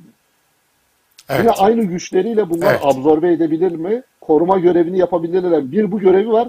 AKP'nin de korkusu şu. Biz bu adamları bu kadar şeytanlaştırdık. Bu adamların şeytan olmadıkları ortaya çıkarsa bu bizim bugün bize tapan adamlar taptıkları bu helvaden putu yerler mi? Ondan dolayı bunlar isteseler de istemeseler de cemaate karşı cadı avı yapmaya devam etmek Evet. zorundalar diye. Evet. Ee, bu arada e, tabii seyircilerimize özellikle e, sohbet bölümünde yazan seyircilerimize ya da yazmak isteyen seyircilerimize bir not ileteyim. AKP rejiminin ya da AKP ile beraber cemaate soykırım uygulayan, sonra devletten attıkları ve KHK'lılar denilen o masum insanlara, işlerini iyi yapan, düzgün yapan insanlara, sağdan ya da soldan, cemaatten ya da değil hiç fark etmiyor. O insanlara yönelik olarak eğer onların kullandığı dille F, E ile başlayıp öyle biten o kısaltmaları kullanırsanız ben doğrudan doğruya engelliyorum. Bu söze asla ama asla tahammülüm yok ve asla e, tasvip etmiyorum. Bunu bilmiş olun. Bunu asla yazmanıza da izin vermem. Yazarsanız da basarım engeli. Bu bir. İkincisi İbrahim Kurt e, demiş ki Fuat Efendi cemaat bu ülkede kardeşi kardeşe kırdırmıştır. Ben demiyorum tarih böyle yazıyor. Yani hangi tarih diyesim geliyor. Yani nerenizde yazdınız o tarihi Ee, ya da yazdığınız kalem kime aitti ya da nerenizden uyduruyorsunuz diyeyim. Kardeşi kardeşe kırdırmıştır ifadesini size aynen iade ediyorum. Şimdi bir video daha. Bir video daha Çağlar Cirara'ya konuk olmuş Eren Erdem. Bakın şunları söylüyor. Hatta davaları takip edildi. Şimdi bakın o işin aslını ben size anlatayım. Ha, bu, bu suç diye de Hikayenin aslını anlatayım ben size. Bakın. Çünkü o Kanal dönem Türk'le bugün TV'nin önüne gittik. gittiniz. Gittik. Niye gittiniz? Sebebini söylüyorum. Ee, bir, biz orada polis tutanakları var. Mesela biz bu ziyaretlerden dolayı yargılandık ve beraat ettik. Evet. Daha doğrusu savcı kovuşturmaya yer yoktur kararı verdi. Yani dava açmadı, takipsizlik aldık. Ee, bu resmileşmiş, kesinleşmiş bir karar. Nedeni şu, oradaki polis tutanaklarında polis amirlerini bizim beyanlarımızı tutanağa tutmuşlar. Ve o tutanak sayesinde biz takipsizlik aldık. Ne diyorsunuz? Polise benim o gün söylediğim, emniyet müdürüne söylediğim şey şu. Bizim kayyum kararlarıyla ilgili bir problemimiz yok. Yasada mevcut. Tamam. Yasa dışı bir faaliyet de yapılmış olabilir. Bununla ilgili gerekli soruşturmalar, Yargılama süreç sürecinde izler. belli olur. Ha. Bizim burada bulunmamızın tek bir sebebi var. Yasaya uygun yapılıp yapılmadığını denetliyoruz ki yarın öbür gün saraydaki zat burayı emsal gösterip sözcüye, cumhuriyete, bir güne, evrensele musallat olmasın. Ha, bunu, Yani hikayenin Evet. özü bu. Hikayenin özünü anlattı Eren Erdem. Yani bugün TV'ye, Kanal Türkiye gidişleri onlara destek vermek için, onların mağduriyetlerini e, haykırmak için vesaire değilmiş. Neymiş? Kendisi anlattı. Fuat senden başlayalım. Ama kısaca 5 dakikaya geçmesin ona göre. Buyur. Hiç geçmez abi. Ben zaten hep kısa konuşuyorum. Size uzun geliyor abi. Bak Faruk Bey de Senin- Faruk Bey de tebessüm ediyor. Senin zamanın farklı algılayışın. var. Farklı bir zaman Aynen. anlayışı var evet. Evet. Buyur Faruk Bey. Abi tayı zaman tayı zaman yaptığım için genişliği olabilir. Allah. Bu Şimdi abi Eren. Şimdi Eren Erdem biz e, şey yapıyorduk. Özgürlük Zamanı diye bir YouTube kanalı açmıştık. Zaman, e, Zaman Gazetesi'ne konulduktan sonra Şemsettin Efe ile beraber. Orada ben konuk almıştım e, Eren Erdem'i bir iki programa. Orada konuşmuştuk Eren Erdem'le. Sonra bunu da söyleyeyim. Şimdi benim grafiker olduğumu e, öğrenince e, o zamanlar bizde iki tane ağza bal çalınca hemen herkese abi diyoruz ya biz. O zamanlarda selam tevhid meselesi üzerinden Emre Erciş bizim abimiz olmuştu. Hatırlıyor musunuz? Emre Erciş, Emre abi, Emre abi olmuştu. Şimdi Emre Erciş ile Eren Erdem e, bunlar iki kankalar. E, Eren Erdem CHP milletvekili adayı, aday adayı daha doğrusu. E, Emre Erciş de 1725 diye bir web sitesi e, kurmuştu. 1725.com diye. Emre Erciş'le biz e, işte sosyal medyadan e, tanışıyoruz. Dedik ya Fuat dedi e, bana dedi bir logo yapar mısın dedi. 1725 bir web sitesi yapıyorum. Ben de ona bir logo yapmıştım. O logoyu kullandılar 1725'te. Sonra Eren Erdem e, CHP e, milletvekili aday aday olunca Eren Erdem demiş ki ya demiş senin demiş tanıdığın grafiker vardır. Ona demiş benim demiş aday adaylığı ile ilgili yapacağım toplantıların afişlerini, bannerlarını yaptırır mısın demiş. Böyle biri var mı tanıdın? Emre Elci işte bana söyledi. Eren Erdem diye bir arkadaşım var. Ha bu tanıyorum abi. Ee, ya böyle bir e, banner hazırlar mısın? E, ben de dedim yani senin arkadaşınsa tamam yapalım dedim. Problem değil. Onun bütün bannerlerini de ben hazırlamıştım. Sonra Eren Erdem beni şey milletvekili oldu. Durun durun daha geliyor. Bu milletvekili oldu e, Eren Erdem.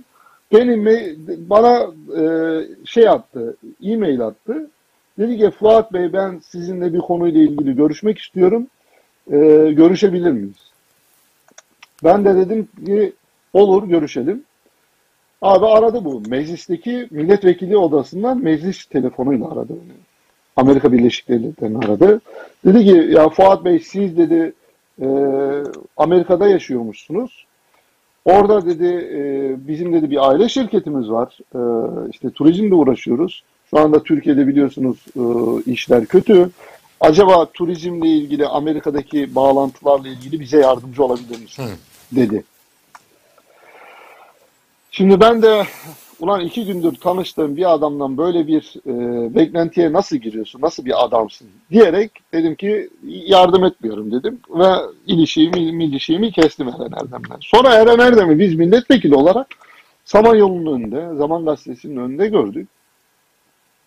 Dedik ki ya bu adam gerçekten şeymiş yani prensipli adammış. Doğru? Samimiymiş. Ha, düşünün. E, Yani Mahmut Tanal, Eren Erdem geliyor. Mahmut Tanal kendisini şey yapmıştı ya e, kapıya zincirlemişti hatırlıyor musunuz bugün TV baskınında? yani iyi. ora o kendi tutmuştu polise karşı polise karşı durmuştu. Eren Erdem de oradaydı. Abi biz bugün öğreniyoruz ki bu arkadaşlar oraya bu yağma yapılırken yasaya uygun yağma mı yapılıyor? Yoksa yasaya uygun olmayan yağma mı ya da çökme, eşkıyalık yapılıyor? Onun için geliyorlarmış. Abi şimdi bu adama karşı bizim şimdi Eren Erdem'in şahsıyla ilgili bir şey diyemem, tanımam, etmem. Fakat bir, bir, bir defa konuştuğu bir adamdan hemen ya birden de terörist dedi yani. Canına yandığım dün benden yardım isteyen adam bugün o bir gün sonra 15 Temmuz'dan sonra da ben terörist oldum. Engellemiş, mesajları silmiş, bilmem ne yapmış, her şeyi yapmaya çalışmış. Abi onun için Eren Erdem ve Emre Erciş deyince bu iki kişiyle ilgili benim çok anım var. Bunlarla ilgili e, daha çok konuşurum ama sen 5 dakikayla sakladın.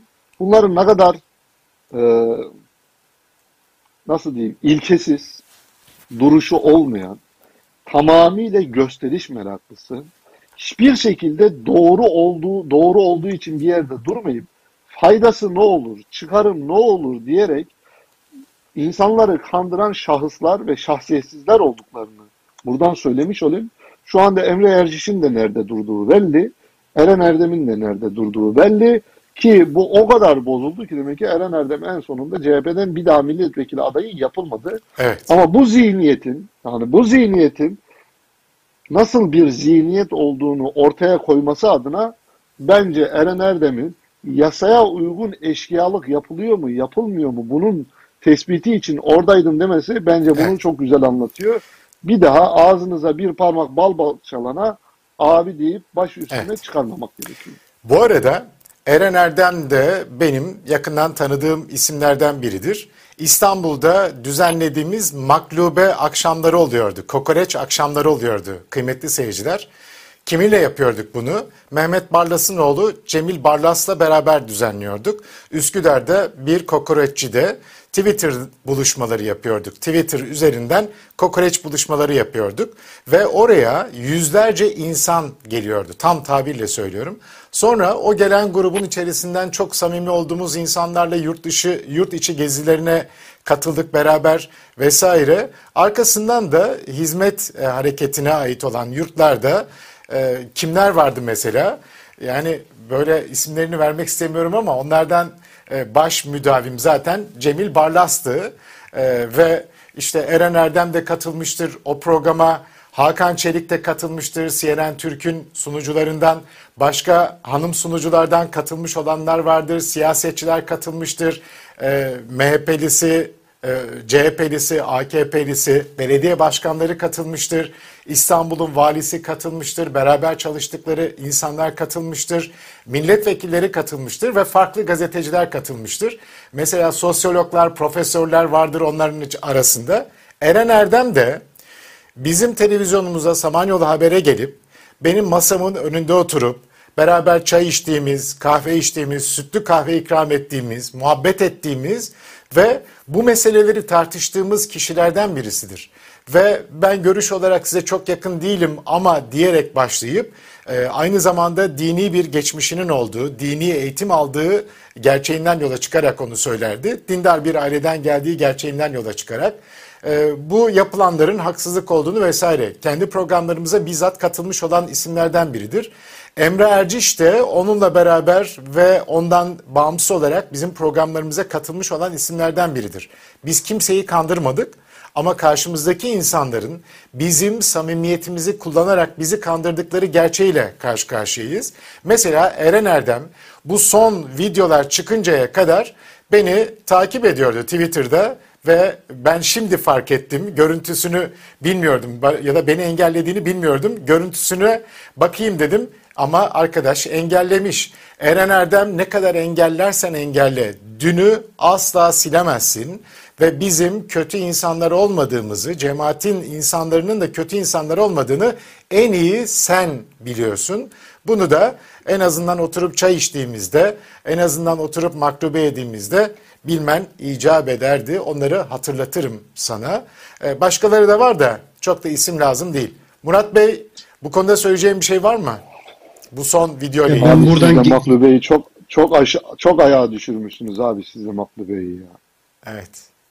O da neyse bu konu bu konuyu başka bir zaman konuşalım inşallah. Evet Murat Bey. Ya burada mı yapsam bilmiyorum yani genel bir muhalefet eleştirisi yapmak istiyorum da ben. Yani buraya bu konuya da uyar mı? Abi sen mi? içinde çok tuttun abi ya. Tut- Yap yani abi bence abi. söyle. Artık yap ya. Bekleme. Çok tuttun abi sen ya. Şimdi şimdi bir fıkrayla başlayayım mı Fuat? Buyur. Fuat sen kaçabilir, çekilebilirsin Adam- abi. Hadi görüşürüz abi. Allah'a emanet olun. Buyur. Adam oğlunu umumhanenin önünde yakalıyor, tutuyor kulağından. Diyor ki, ne arıyorsun burada? Adi. Baba diyor ben bir şey yapmadım. Çıkana diyor kolonya tutuyordum. Şimdi Eren Erdem'in yaptığı da bu. Niye orada olduğu biz de hak savunucusu filan zannediyoruz yani. Merdi Kıpti şecaat arz ederken sirkatin söylermiş arkadaşlar. Ya muhalefetimiz de bu işte yani. Şu hale bak yani. Eğer bunu korkaklıktan dolayı söylüyorsan adi bir korkaksın. Korkaklıktan değil, ikinci bir gündemin varsa iki yüzlü bir münafıksın. Başka bir şey değil yani. Ya ora ya bura. Şimdi arkadaşlar Türkiye'de muhalefet ne tarih biliyor ne sosyoloji biliyor. Tarih bilmiyor çünkü ibret almıyor. Sosyoloji bilmiyor çünkü sorun analizi yapamıyor. İkinci Dünya Savaşı'ndan sonra Almanya'da Nazizm varlığını devam ettirmiştir biliyorsunuz. Şu anda da Almanya'da çok kuvvetli bir e, ırkçı partiler, ırkçı söylemler devam ediyor. Biliyorsunuz bu e, saklanan bir şey değil. Yani bitmedi. Nazizm bitmedi, ırkçılık bitmedi Almanya'da. Bunun sebebi ne bakın. Bunun sebebi işte bugün Türkiye'deki muhalefetin yaptığı muhalefet biçimi aynısını yaptılar. Onu anlatacağım. E, bugünlere kadar da gelmiştir e, oradaki sorun, Nazizm sorunu devam ediyor. Bunun sebebini ben 1945 öncesi yasanan bu katastrofun, bu büyük felaketin e, Tanrı'nın ölmesine bağlamak olarak görüyorum. Şimdi o döneme bir bakın hem Nietzsche hem de Heidegger iki büyük dünya savaşının sebebi olarak Tanrı'nın ölmesini öne sürüyor. Hem Nietzsche diyor ki Tanrı öldü. Yani Hristiyanlık Tanrısı önemini kaybetti. Başımıza ne geldiyse ondan sonra geldi. Varlık bir nihilizme kaydı. Hem de Heidegger diyor ki Heidegger'de bize yeni bir Tanrı lazımdır diyor. Bize yeni bir Tanrı lazım. Bu Tanrı'yla yol alamıyoruz diyor. Yani temelde bütün kötülüklerin kaynağı olarak Tanrı'yı işaret ediyor. Şimdi arkadaşlar yaşanan tüm kötülüklerin kaynağı olarak Tanrı'yı işaret etmeleri bize başka sorunları gösteriyor. İnsan yaptığı kötülükleri neden Tanrı'ya bağlar ki ben bunu anlamıyorum yani. Kötülük kesbedilir, kazanılır. Tamam yaratmak Tanrı'ya mahsustur bütün dinlerde ama kişi kendi iradesiyle kötülüğü kesbeder, elde eder. Şimdi e, mevzu şu arkadaşlar. Türkiye'de muhalefet iktidarı işte bu Tanrı'nın yani kendini itaat ettiğini ama kurallarına uymayan kandırıkçı kulları üzerinden vuruyor. Eğer siz hala bu yönteme devam ederseniz yani muhalefetin tuttuğu bu yöntem aynen Almanya'da olduğu gibi sorunu kökten çözemeyecektir. Bakın neyi ortaya çıkaracak biliyor musunuz? Eğer bütün sorunların kaynağı ve din üzerinden yaparsanız siz bu vurmayı, bel altı vurmayı din üzerinden yaparsanız yerine bakın bu AKP'den sonra yine dini baz alan, dini temelli başka siyasi biçimleri ortaya çıkmasına sebep olacaksınız. Ben muhalefet ediyorum ki bakın bu din temelli eleştirilerden vazgeçin. Din üzerinden eleştirilerden vazgeçin. Vazgeçerseniz siyasal İslam'ın Türkiye'de yeniden yeşerme, yeniden ortaya çıkma olasılığını ortadan kaldırırsınız. Ama siz hala işte dindar nesil yetiştireceklerdi, kindar nesil olduk derseniz bunun bir yol olduğunu kabul ediyorsunuz demektir. Ve bundan sonra gelecek olan siyasal İslam partilerine diyorsunuz ki AKP yapamadı siz bunu yapabilirsiniz demek anlamına geliyor bu.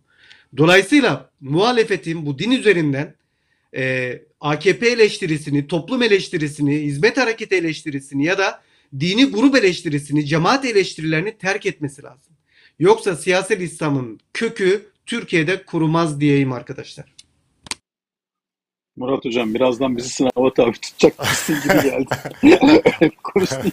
Hadi sözlüğe el kaldıracağız falan evet. diye. O yüzden biraz gülümsedim. Faruk Bey, Faruk Bey buyur. Evet. Ya şimdi hocam bu isimler üzerinden gidiyoruz tabii haklı olarak adam konuştuğu için onu kale alıyorsunuz ve o isim üzerinde gidiyorsunuz ama e, yani tokat atılacak bir kişiliğe sahip olmadığı aşikar bu gibi tiplerin bir buçuk milyon insan mağdur olmuş. Şu an Türkiye'de soruşturma geçiren bir şekilde karakolda, cezaevinde ya da savcılığın önünde geçen insan sayısı bir buçuk milyon.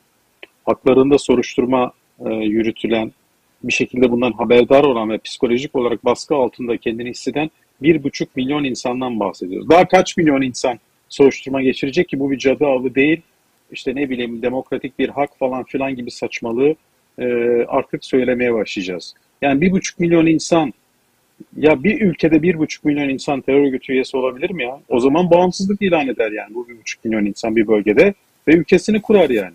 Ayrıca bu insanların hiçbiri silaha müracaat etmemiş. Hiçbirisi. Sağcısı, solcusu, şucusu, bucusu hiç fark etmez. Yüzde tamam yüzde altmışı, yüzde yetmişi cemaat mensubu bunların ama hepsi cemaat mensubu da değil. Bunu da belirtmek lazım yani.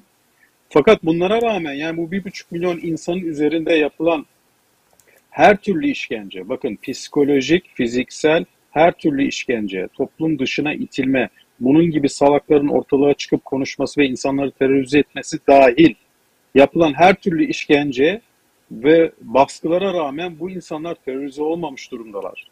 Yani ne yapsınlar bunlar? İşkencecilerini avlamak için avcı birliği mi kursunlar? Bunu da yapmıyorlar. Bu insanlar edebiyle, adabıyla, ahlakıyla, namusuyla yaşamaya çalışıyorlar ve bu insanların yaşamaları için, nefes almaları için bizler de bir işte nefes ol diyoruz yani. Nasıl Ahmet Sami'nin Murat'a Nefes Ol kampanyası yaptığı gibi biz de bu insanlara bir nefes almaları için bir alan yaratmaya çalışıyoruz. Sosyal medya da bu alan için önemli. Basın yayın e, organlarımız da bunun için önemli. Nasıl Fuat kendi mecralarında bunu anlatmaya çalışıyorsa, nasıl Murat işte akademik çalışma gibi tane tane bunları anlatıyorsa herkese bu bizim nefes aldırma alanlarımız. Yani Asım Bey gibi işte diğer yayıncı arkadaşlar gibi ve bu insanlara bir umut bizim vermemiz gerekiyor yani bir şekilde. Tabii biz veremeyiz. Biz sonuçta bizim pozisyonumuz umut vermek pozisyon değil ama yani işlerin bir şekilde yoluna girebileceğini, işte hukuki haklarını arayabileceklerini, bu saçma sapan adamların açıklamalarını kale almamalarını bizim tartışıyor olmamız güzel bir şey Evet. ve buna devam etmemiz lazım. Benim hani bu adamı tartışmak veya bunun gibi insanları tartışmak, siz zaten söylediniz söyleyeceklerinizi. Onun yerine bu mağduriyetlerin üzerinde de biraz durmak istedim. Teşekkür ederim. Ben teşekkür ediyorum. Ağzına sağlık Fuat Bey, Faruk Bey.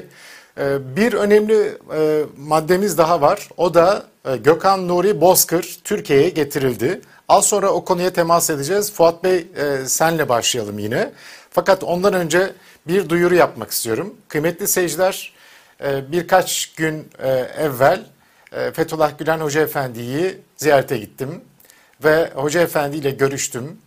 E, Kendisine söylediklerim oldu. Onun söyledikleri oldu. E, Bir kitap hediye etti. Bununla ilgili yarın özel bir yayın yapmak istiyorum. İnşallah. Hem söylediklerini hem de oradan böyle aldıklarımı sizinle paylaşmak istiyorum. Edindiğim izlenimleri sizinle paylaşmak istiyorum. Önemli buluyorum çünkü aylardan beri gidemiyordum, gitmemiştim. Hem rahatsızlıklar vardı e, hem de orada hasta olanlar, pandemiye e, işte Covid'e yakalananlar vardı. O yüzden Hoca Efendi'nin etrafına çok kimse e, alınmıyordu. Birkaç talebesi dışında. Ben de e, fırsattan istifade geçen hafta yayınları yapamayınca hemen oraya gitmek e, durumunda kaldım ve iyi de oldu. Bununla ilgili özel bir yayın yapacağım. Size söyleyeceklerim var. Yarın o yayını da kaçırmayın. İnşallah onun da duyurusunu yapacağım. Evet, e, Gökhan Nuri Bozkır. E, buyurun Murat Bey. Abi Murat Bey bir şey söyleyecekmiş. Yeni bir üyemiz var. Bir hoş geldin deyin isterseniz aslında. Hemen bakıyorum. Hemen bakıyorum. Kimmiş o yeni üyemiz? Ezo Emekli Ezo. Selam ve Çay grubuna hoş geldiniz. Teşekkür ediyoruz. Katıl butonumuza e, Ama tıklayarak. Muratçığım bak Ömer, Ömer var. Ömer Yılmaz yayın başından beri sana geçmiş olsun diyor. Lütfen ona da bir cevap ver yani. Ayıp. Ha, görmedim. Teşekkür ederim. Sağ olun. Ömer Bey de sağ olsun. E, o da yanlış hatırlamıyorsam o da polislikten atılma isimlerden bir tanesi. Allah e, kaybettiklerinizin çok daha hayırlılarını versin inşallah. Evet, Gökhan Nuri Yılmaz, e, özür diliyorum, Gökhan Nuri Bozkır isimli bir e, şahıs. Eski asker, MİT'e çalışıyor, devlete çalışıyor, derin devlete çalışıyor. Sauna çetesiyle adı geçiyordu ve sauna tuzağı kuranlardan birinin o olduğu söyleniyor, iddia ediliyor. Ve arkasından da bir operasyon sonrasında MİT tarafından bu e, yurt dışına çıkarıldı, Ukrayna'ya götürüldü. Zaten eşi de Ukraynalı ve arkasından da Ukrayna'ya sığınmada bulundu. Fakat sığınması kabul edilmedi. Üst mahkeme tarafından da reddedildi ve arkasından da bekleyiş başladı. Sonrasında yaptığı açıklamalar vardı. Silah kaçakçılığına dair çok önemli itirafları vardı ve Erdoğan'ın belki de ee, en çok korktuğu hususlardan bir tanesi bu. Çünkü silah kaçakçılığı aynı zamanda e, farklı e, farklı terör gruplarına da gittiği için aynı zamanda uluslararası savaş suçları mahkemesine yargılanmayı gerektirebilecek olan bir suç. Bununla ilgili itiraflarda da bulundu ve Gökhan Nuri Bozkır'ı MIT göndermişti. Yine MIT Türkiye'ye getirdi. Getirdikten sonra tabirlerinde ise ağzını burnunu kırdılar öyle gözüküyor e, görüntülerde. İzniniz olursa onları da ekrana getirmek istiyorum aslında. Gökhan Nuri Bozkır neyse siz konuşurken getireceğim. Çok önemli bir figür aslında. E, Fuat Bey senden başlayalım. E, Gökhan Nuri'nin getirilmiş olması Ergenekon'la AKP arasında bir hesaplaşmanın başladığı ya da başlamak üzere olduğu anlamına gelebilir mi? Çünkü bu konuda yorumlar yapılıyor. Ee, Gökhan Nuri Bozkır'ı Ergenekon'a rağmen getirmiş olması, ortaklarına rağmen getirmiş olması Erdoğan'ın böyle bir hamlesi, e, hamle başlangıcı olarak sayılıyor. Bir savaş başlangıcı olarak. Senin yorumun ne? Ya aslında Gökhan Nuri Bozkır'ın e, ne olduğu ile ilgili detaylı e, özellikle dosya olarak e, merak edenler varsa Adem Yavuz Aslan Bey'in e, bundan yaklaşık bir sene önce yaptığı iki tane video var. Orada Gökhan Nuri Bozkır'ı, ilişkilerini, geçmişini çok güzel anlatıyor. E, siz de girişte detaylıca e, ilk kamuoyunun işte sauna çetesi olarak ismini duyurduğu e, özellikle bürokratların sauna çetesi neydi? Ankara'da e, işte masaj merkezi ve sauna olarak bilinen yerlerde devletin üst düzey bürokratlarının e, bal tuzağı denilen kadınlarla ilişkileri kayıt altına alınıyor. Bunlar kasetlere çekiliyor ve bu kasetler üzerinden şantaj ile istedikleri şeyler yapılıyor. Bununla ilgili de maymuncuk denilen e, bir sistem çalışıyor Ankara'da ve maymuncuğun da ne olduğunu Cevheri Güven'in e, bundan iki önceki videosuna e, bakarsanız aslında Türkiye Cumhuriyeti'nin e, nasıl bir sistemle yönetildiğini görmüş olursunuz. Evet. AKP eğer bu ülkeye bir e, yararı olduysa şöyle olmuştur. Türkiye Cumhuriyeti'nin röntgeni çekilmiş oldu. Daha önce işte kimisi sağcı görüküyordu, kimi solcu görüküyordu, kimi milliyetçi görüküyordu. Ve biz o insanlara baktığımızda aa bu sağcıymış diyorduk, aa bu solcuymuş diyorduk. Bu işte şu muhafazakarmış, bu dindarmış diyoruz. Fakat AKP öyle bir pota yaptı ki o potanın içinde biz herkesin ne olduğunu aslında hiçbirinin de birbirinden de çok bir farkının olmadığını görmüş olduk. Yani Cemil Meriç'in işte ne sağcı vardır ne solcu namuslu ve namussuzlar vardır. Ee, yaptığı bu sınıflamanın tamamıyla tamamıyla doğru olduğunu biz gördük. Yani bir Doğu Perinçek'in Abdurrahman Dilibak'tan aynı zamanda Erdoğan'ın Doğu Erdoğan'ın Bahçeli'den ya da CHP'nin MHP'den, MHP'nin de AKP'den çok bir farkının olmadığını biz bu süreçte görmüş olduk. Yani Türkiye Cumhuriyeti'nin kuruluşundan beri flu olarak görülen, insanların anlamaya çalışırken bile acaba böyle mi böyle mi diye kafalarındaki soru işaretlerini Erdoğan rejimi tamamıyla ortadan kaldırıp tam bir röntgenini gözümüzün önüne koymuş oldu. Şu anda her şey açıktan konuşuluyor. Şimdi Gökhan Nuri Bozkır e, meselesi de bu kullanılan figürlerden birisi. Yani milleti bal tuzağına çekiyorlar, onu kaydediyorlar. Ondan sonra onun üzerinden istediklerini yapıyorlar. Ve bu adam e, daha sonra e, işte MİT tırları meselesinde gündeme geliyor. Soğan dolu, e, normalde soğan ticareti olarak görünen o soğan e, dolu e, kamyon açılıyor. Arkasında yüzlerce tonlar ton e, patlayıcının olduğunu, bunu Suriye'ye götürdüğünün farkına varıyor. Dediğim gibi bunun bütün detaylarını Adem Yavuz Aslan'ın özellikle bir yıl önceki Gökhan Nuri Bozkır'la ilgili yaptığı videodan bakabilirsiniz. Peki ne oldu da Gökhan Nuri Bozkır e, uzun yıllardır Ukrayna'da e, MIT çıkarmıştı. Yani MIT Ukrayna'ya gitmesinde de MIT sağlamıştı. Hı hı. Fakat ne oldu da Gökhan Nuri Bozkır e, özellikle Türkiye'ye geri getirildi. Bununla ilgili e, değişik yorumlar olsa da benim gördüğüm şöyle bir şey var. Özellikle son Adalet Bakanlığı'nın değişiminden de yani Bekir Bozdağ'ın değişiminde e, Abdullah Gül'ün yerine Gökhan Bekir Nuri... Bozdağ geldi.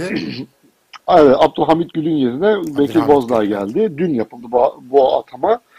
Ee, şimdi Gökhan Nuri Bozkurt bu devletin gazetecileri gidip röportaj yaptı. Hürriyet gazetesi röportaj yaptı. Toygan Atilla gitti röportaj yaptı. Nerede olduğunu biliyorlardı. Yani bu adam gizleniyordu da MİT çok başarılı bir operasyon yapıp Türkiye'ye getirmiş değil.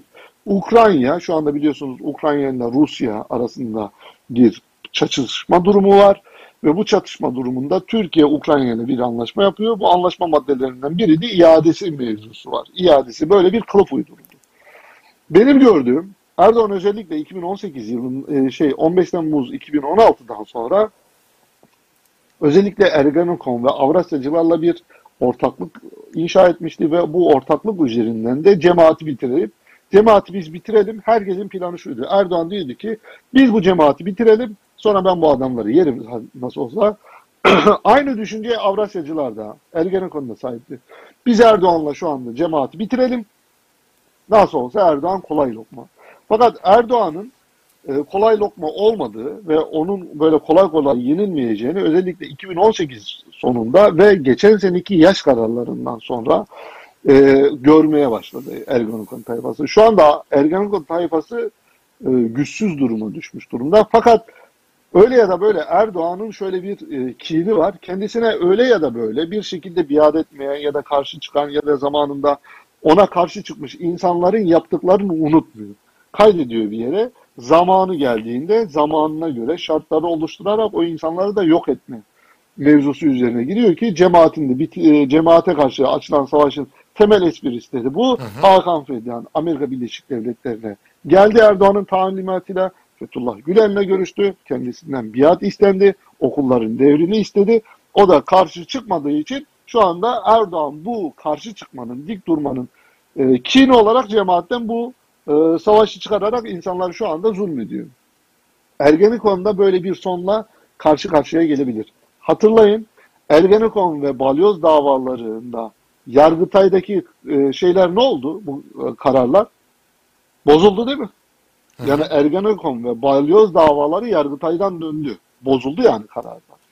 Aynı zamanda bugün Gökhan Nuri Bozkur aynı zamanda Ergenekon döneminde yani derin devletin o Erdoğan'ın güçsüz olduğu, kendi sistemini kurmadığı, cemaatin bir şekilde askeri vesayeti bitirme noktasında uğraş verdiği dönemlerde yapılmış bir operasyondur savunma çetesi.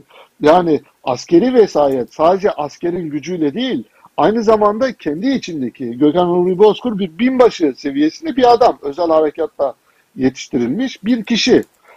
Aynı zamanda askeri vesayet bu bal tuzağı denilen Gökhan Nuri Bozkurt'un da adının geçtiği bu şekilde yöntemlerle de sivil kanadı kontrol altına alıyordu. Hı. Sadece höt deyip yani İlker Başbuğ'un çıkıp işte e, bir e, geminin güvertesinde konuşarak ayar verme şeklinde yapmıyordu. Aynı zamanda insanları tuzağa düşürüyorlardı ve bunun içinde sauna çetesinin e, yine polisin operasyonuyla çıktığı Gökhan Nuri Bozkurt buradan gelmiş bir adam. Yani evet. Ergenekon'un bir adamı. Ergenekon'un kullandığı bir adam aynı zamanda bu kişi. Özel hareketlerden hareket e, merkezini yetiştirdiği bir adam. Benim tahminim Ergenekon'un da bitirilmesi noktasında ya da Ergenekon Avrasyacılarla ilgili problem çıkmaması adına. Çünkü şu anda Erdoğan Ukrayna meselesi üzerinden düne kadar Rusya ile Avrasyacıların yanında duruyordu. Onların söylemlerini destekliyordu. Fakat sanki Erdoğan şu anda tekrar düğmeni bir tarafa doğru kıracak. Fakat iç piyasada, iç kamuoyunda Avrasyacılar kendilerine problem çıkarabilir ve aynı zamanda geçmişte de yaptıkları şeylerden dolayı Ergenekon meselesi özellikle Avrasyacıları tamamıyla tasfiye etmek için Gökhan Nuri Bozkurt'u Bozkır'ı bir kaldıraç olarak kullanabilir ona istediklerini söyletebilirler şu anda. Valla yani, yani istediklerini ben, yaptırabilirler. Ben mesela Gökhan Nuri Bozkır'ın çok şey bilen bir adam. Hem derin devletin yaptığı işleri biliyor. Çok fazla onlar adına suç işlemiş aynı zamanda. Aynı zamanda özel eğitimler aldığı için de bu işleri e, gerçekten de iyi manipüle edebilen, iyi organize edebilen bir isim. Ama hemen e, geri planda hatırladığım başka bir isim daha var. İlker Başbuğ. İlker Başbuğ'un dönemlerinden beri e, faaliyetlerde bulunan, görevli olan isimlerden bir tanesi. Şimdi demokrasinin kılıcı gibi bu Ergenekon davalarında, balyoz davalarında kararlar çıkmadığı için e, şu anda Erdoğan belki de bu hamlesini yapmak için yeni bir hamle, böyle bir mücadele başlatmak için Gökhan Nuri Bozkır'ı istedi ve getirtti. E, fakat e, çok şey bildiği için yaşatırlar mı onu bilemiyorum açıkçası. Bu benim en çok korktuğum şeylerden bir tanesi. Gökhan Nuri Bozkır çok şey biliyor ve şu anda devletin elinde kimlerin kontrolündeyse devlet derken e, tırnak içerisinde de vurguluyorum. Yaşatırlar. Bunu, yaşatırlar. Hı. Ya benim tahminim yaşatırlar fakat istedikleri. Şimdi Erdoğan bir taşla iki kuş vurdu. Bir, MİT tırları meselesindeki en kuvvetli delil olan, doğru mu? Şahit olan Gökhan Nuri Bozkurt'u eline geçirmiş oldu. Bir bunu engellemiş oluyor. İkincisi bu adam üzerinden, Gökhan Nuri Bozkurt üzerinden demokrasinin kılıcı gibi dediğiniz o Ergenekon ve Avrasyacı tayfayı yola getirecek. Ya ka- kendisine karşı çıkarlarsa belki davalar açılacak, birileri gözaltına alınacak. Fakat şunu söyleyeyim, bu çok kullanışlı bir aparat şu anda Gökhan Nuri Bozkurt. İstediği gibi kullanabilir.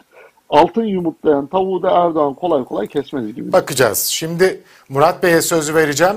Fakat iki tane yeni üyemiz daha oldu. Sinan Şahin Bey Selam ve Çay grubumuza dahil oldu. Sinan Bey aramıza hoş geldiniz. Ve bir diğer e, katılımcımız Süleyman Eski İzmir Selam ve Çay grubuna o da dahil oldu. Süleyman Bey'e de teşekkür ediyorum. Hoş geldiniz diyorum. E, desteğiniz çok önemli. Evet Murat Bey bu iade Bozkır'ın iadesi e, Erdoğan'la Ergenekon arasında bir savaşın başlangıcı olabilir mi?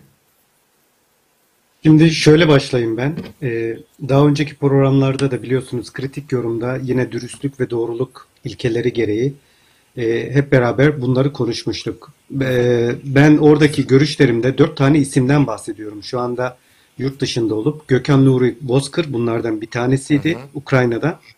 Serkan Kurtuluş Arjantin'de, Sedat Peker Birleşik Arap Emirlikleri'nde ve Rıza Zarrab, Sezgin Baran Korkmaz e, en son katıldı. Sezgin Baran. Korkmaz da şu an. Evet. Şimdi bunlar e, ben bunların hepsinin iade edileceğini düşünüyorum. Baştan onu söyleyeyim. Ve eğer bir gün Türkiye'ye hukuk gelirse bunların verecekleri ifadelerle Türkiye'de birçok şeyin, birçok karanlık noktanın aydınlanabileceğini düşünüyorum. İşin açıkçası bir kere buraya bağlayın. Hatırlayın Ramazan Bey'in güzel hakim, eski hakim, onun katıldığı programda da bunu dile getirmiştik. Şimdi bu 4-5 isim önemli benim için. Ben sırada hangisinin olduğunu da merak ediyorum gerçi. Şimdi bunu yapan kim? Bir kere şunu söyleyeyim. Ben e, Erdo Ergenekon'la ilgili e, fikrimi size daha önce arz ettim. Burada söylemiştim. Ergenekon parçalandı. Zaten parçalardan 3-4 parçadan oluşan bir yapıydı ve bu parçalandı. Hatta bu parçanın bir kısmı şu anda hükümete ortak.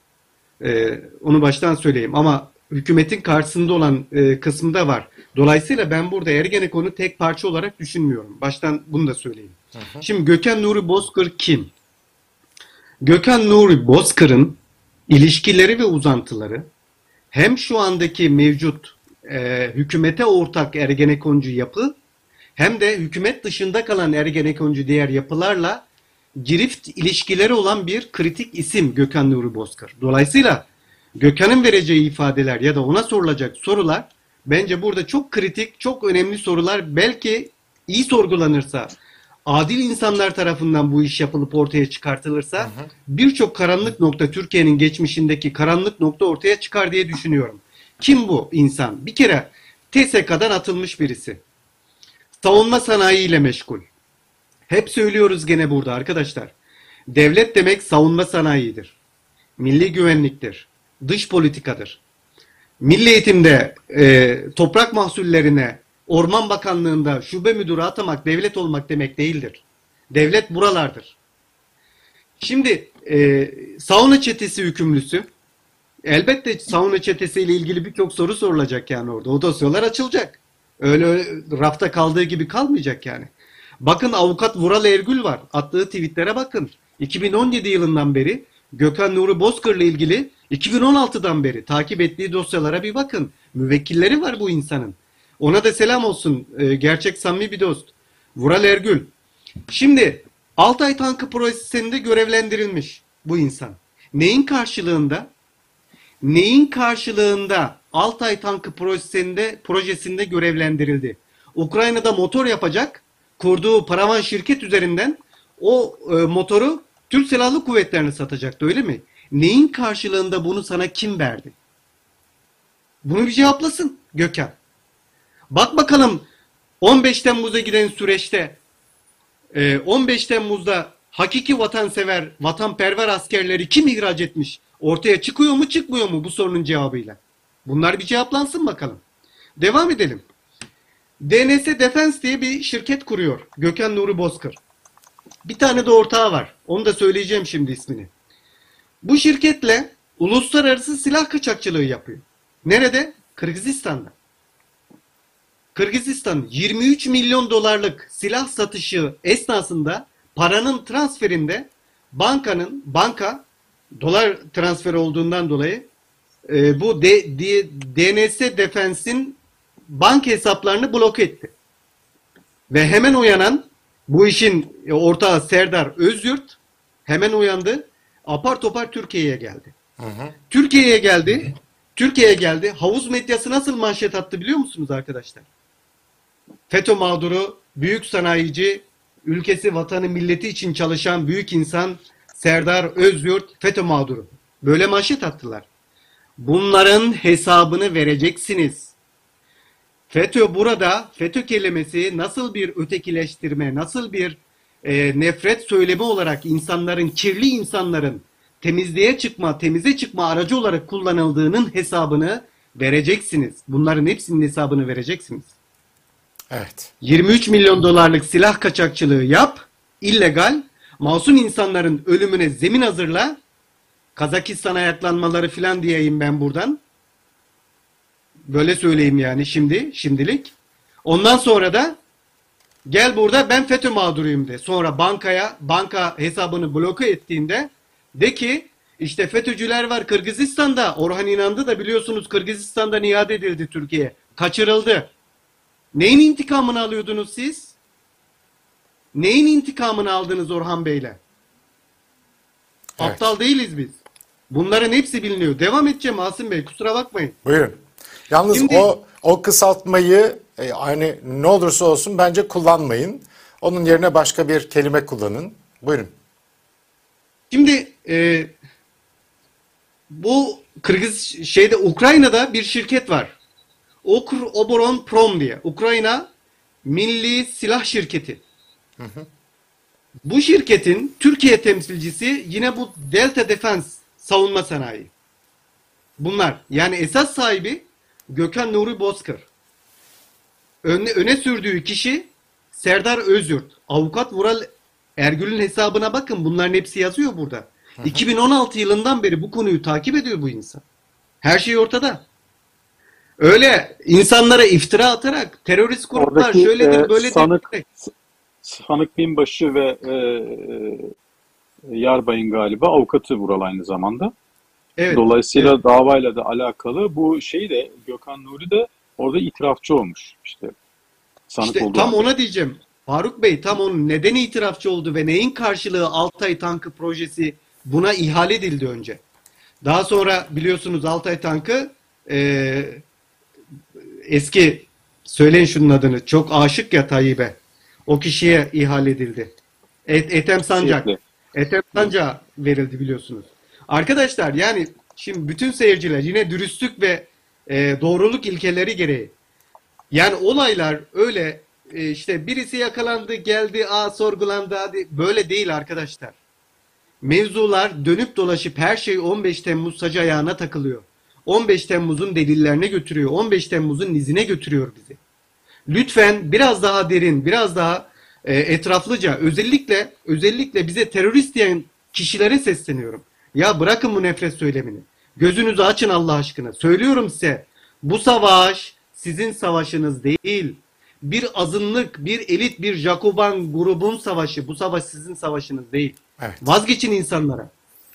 Bizim de böyle bir savaşımız yok ama e, işte e, temiz insanlara savaş açmış kirli bir yapı var. Bu arada Vural Ergül e, Erk Acerer'in programına katılmış. Orada da diyor ki Hablemitoğlu suikasti meselesi yeniden gündeme geldi ya Bozkır'la. Eğer o çözülürse Uğur Mumcu da Hrant Dink meselesi de çözülür diyor. Çünkü zaten bu meseleyi de Hablemitoğlu'nu da en baştan beri cemaate yıkmaya çalışıyorlardı. Fakat işte Hablemitoğlu'nun avukatı, ailelerinin e, avukatı hayır e, o kişi cinayeti işleyen kişi MIT adına çalışıyordu. Cemaatle alakası yoktu açıklamasını yaptı. Bu çok önemli bir detaydı. Evet Faruk Bey son olarak senin görüşünü alayım bu konuda. Aslında benim gireceğim konulara Murat gayet güzel detaylı girdi. Ben Vural üzerinden ilerleyecektim. Onun e, detaylı çalışmaları zaten dediği gibi 4 yıl 5 yıldır yani daha doğrusu bu MİT tırları vakası olduğundan beri Vural Ergül, avukat Vural Ergül bu işin üzerinde çalışıyordu. Hı hı. Ve onun paylaşımları da zaten yeterince doyurucu bilgi var.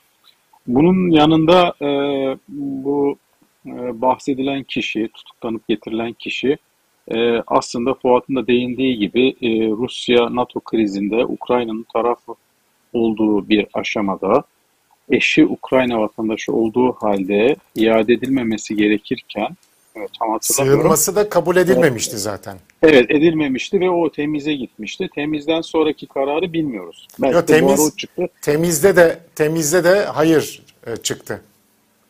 Evet yani işte onun üzerine işte hazırlık yaptığı yazılıyor işte havuz medyasında yurt dışına başka bir ülkeye kaçacakken işte MİT'e teslim edilmiş veya MİT onu almış getirmiş Türkiye'ye. Burada benim korkum bu tür kişilerin üzerinden işte ağır işkence gördüğü aşikar gözü fotoğraflarda görünüyor. Bu tür kişiler üzerinden aslında suç işlemeyen kesimleri ve kitleleri bir suç işlediğine dair bu kişiyi itirafçı pozisyonuna sokup ve oradan da yeni suçlara ve suçlular devşirmek üzere yeni bir suçlu yaratma veya mevcut e, kafalarında oluşturdukları haleyula gibi bir suçlu kesimi daha da gözlerinde büyütüp onun üzerinden tepinme üzere bir hazırlık olduğunu düşünüyorum ben. Bunu o şekilde kullanacaklardır diye düşünüyorum. Tabii burada en önemli şeylerden biri de e, e, mevcut e, sistemi ayakta tutan kişi zat, e, yöneticinin e, uluslararası suçlara bulaşmış olma ihtimalinin bu kişileri ifade ediyor olması. Evet. Yani bunların e, yani şimdi biz delilleri bilmediğimiz için hani evet etmiştir falan diyemeyiz ama bu kişinin iddialarına göre, kendi itiraflarına göre uluslararası e, suç, e, uluslararası mahkemelerde yargılanmak üzere savaş suçu ya da insanlık suçu olarak yargılanması gereken suçları beraber işlediğini itiraf ediyor. Şimdi böyle bir durumda eğer gerçekten böyle bir şey bu ispat edebilseydi bu kişi Türkiye'ye getirilmeden önce e, ileriki dönemde veya hemen veya işte belli makul bir süre içerisinde Türkiye'yi yöneten kişi veya kişilerin böyle bir mahkemede yargılanma ihtimali ortaya çıktı. Bu da tabii ki hem rejimin e, başındaki kişi açısından hem de Türkiye devleti açısından büyük bir handikap ve bu doğrultuda da tabii ki ciddi önlemler alması, işte ajanların ya da hukuk temsilcilerin veya emniyetin gidip orada müdahale etmesi gayet mantıklı. Bir diğer Evet. konu da yine e, Hablemitoğlu suikastı gibi suikastların az önce bahsettiğim gibi çeşitli kesimler üzerine e, yapıştırılıp o kesimlerin tekrar terörize edilmesi ve Türkiye'de tekrar bir e, korku ikliminin yaratılıp ve insanların tekrar cezaevine, tekrar tekrar cezaevine e, sokulması için belli bir e, güçlendirici bir e, yankı bulmuyor karşı tarafta. Dolayısıyla bunu daha da güçlendirecek, o yankıyı güçlendirecek ve 5 sene önce işledikleri suçları meşrulaştıracak bir yol izlemeleri gerekiyor. Bunun için de Evet. bu olay ve benzeri olaylar bu noktada e, şeye çekilebilir. Evet. E, meydana çekilebilir. Evet. Bu ben açıkçası öyle görüyorum. Bu şu anda Erdoğan'ın Ergenekon'a karşı yaptığı bir hamledir ve karşılıklı güç vuruşturması, güç mücadelesinin başladığı tarihtir diye düşünüyorum. Eğer Gökhan Nuri Bozkır Erdoğan'ın eline Ergenekon adına suç işlediğini ne dair delilleri verirse Erdoğan bunu kullanır. Ama Erdoğan'ın da bu yapıyla beraber işlemiş olduğu suçlar var. Onların başında da ki Erdoğan'ın da en çok korktuğu noktalardan bir tanesi uluslararası savaş suçları mahkemesi yargılanabileceği e, hususu olan silah kaçakçılığı geliyor açıkçası. Evet e, bu arada iki tane yeni üyemiz var. Mevlüt Ceylan Selam ve Çay grubuna dahil oldu. Mevlüt Bey aramıza hoş geldiniz. Bugün maşallah maşallahınız var daha doğrusu. Musa Kızıl Bey de Tebessüm ve Çay grubuna dahil oldu. Musa Bey size de teşekkür ediyoruz. Aramıza hoş geldiniz. E, Abi bir- buradan şunu söyleyeyim. Bu arkadaşların çoğu abi bizim Tımarhane Günlüğü programından. Onun için Kendine e, yine pay yani, çıkaracak e, Fuat Bey. aynen onun için e, buradan bu Deli yani bu programın arkadaşlar. etkinliğini de görmüş olduk. Evet. E, hoş geldiniz arkadaşlar. Birazdan geliyorum yanınıza. Fazla şey yapmayın. Evet. Bir gün de bir gün de burada tımarhane günlüğü yapalım arkadaşlar. Madem öyle hep böyle çok ciddi meseleler konuşuyoruz. Bir meselemiz daha var. Kısaca ele alalım. Ama e, Fuat'ın e, söyleyecekleri var zannediyorum. Fuat Bey bence söyleyeceklerini şimdi kısaca söyle. E, etkin pişmanlık ben en son söyleyeceğim. En, en, en son söyleyeceğim abi. Çünkü Siz- en son Sezen Aksu ile abi. bitireceğiz. Sezen Aksu ile bitireceğiz. O yüzden onun hı. şarkılarıyla bitireceğiz. Ee, eğer sen hazırsan şimdi söyle kaç dakika vereyim sana? 5 yeter mi? Abi 8 sayfalık Murat Hocam'ın rakibi olarak 8 sayfalık bir e, bitiş konuşması hazırladım. Abi 8 sayfa Ee, çok onu- uzun. Neyse Her abi. bir sayfaya bir harf Ben- yazmış. Abi ben hayatım boyunca e, bir metne bağlı konuşamadım. Böyle bir hastalığım var. Onun için abi şaka yaptım. Peki. Şimdi abi ben birkaç kişiyi protesto etmek istiyorum abi. Buyur. Ümmetin lideri, reisi cumhurumuz, e, asrın komutanı, büyük önder Recep Tayyip Erdoğan'ın e, minik serçe olarak adledilen Sezen Aksu'nun e, söyleminden sonra dilini koparmak için çıktığı bu yolda camide dilini koparıp e, televizyon ekranlarında e, benim tepkim moderatör eder dem- demesinden dolayı Sayın Reisi Cumhur'u ben protesto ediyorum. E, böyle bir dönüş yapmamalıydı bence. Bir saniye. E, aynı Sezen, zamanda Sezen Aksu konusuna mı girdik yani şimdi? biz her konuya gidiyoruz abi işte. Yani şu anda serbest dedin ya abi. Ya hayır. Sezen Aksu meselemiz var. Onun için ben onunla ilgili bir şeyler söylüyorsun diye düşündüm. Senin bana özelden yazmış olduğun etkin pişman Onu, onu en son söyleyeceğim abi. Onu Peki en o son zaman söyleyeceğim. Sezen Aksu meselesine geçelim. Şimdi e, sen cümlelerini verdin ama ben açılışı yapmış olayım. Sezen Aksu e, 5-6 sene önce bir şarkı yapıyor. Bu çok tartışıldığı için kısaca geçeceğim. Fakat o şarkıda geçen ifadeleri bugün birileri gün yüzüne çıkarıyor. Ha işte Sezen Aksu Hazreti Adem'le Hazreti Havva'ya hakaret etti, şöyle etti, böyle etti vesaire dediler. Arkasından Tayyip Erdoğan hem de camide namaz kılınan minberde, namaz kıldırılan yerde halka hitap etti. Camide cemaate konuştu, dilini koparırız dedi. Sonra Sezen Aksu geri adım atmadı ve Avcı diye bir şiir kalem aldı. Hemen e, ertesinde ve arkasından da Tayyip Erdoğan'ın geri adımı geldi. İşte Fuat Bey de bununla alakalı bir çarktan bahsetti. Buyur Fuat sözlerini tamamla. Aynen yani biz e, abi bu minik serçe ve Erdoğan'ın çarkını görünce belki yani tımarhane günlüğünde çok vakit geçirdiğim için deli diyebilirsiniz. O konuda hiç eleştirmeyeceğim sizi. Benim aklıma direkt e, Kabe'yi yıkmaya giderken e, o Ebrehe ordusunun üzerine giden ebabil kuşları geldi ve onların siccimleri geldi.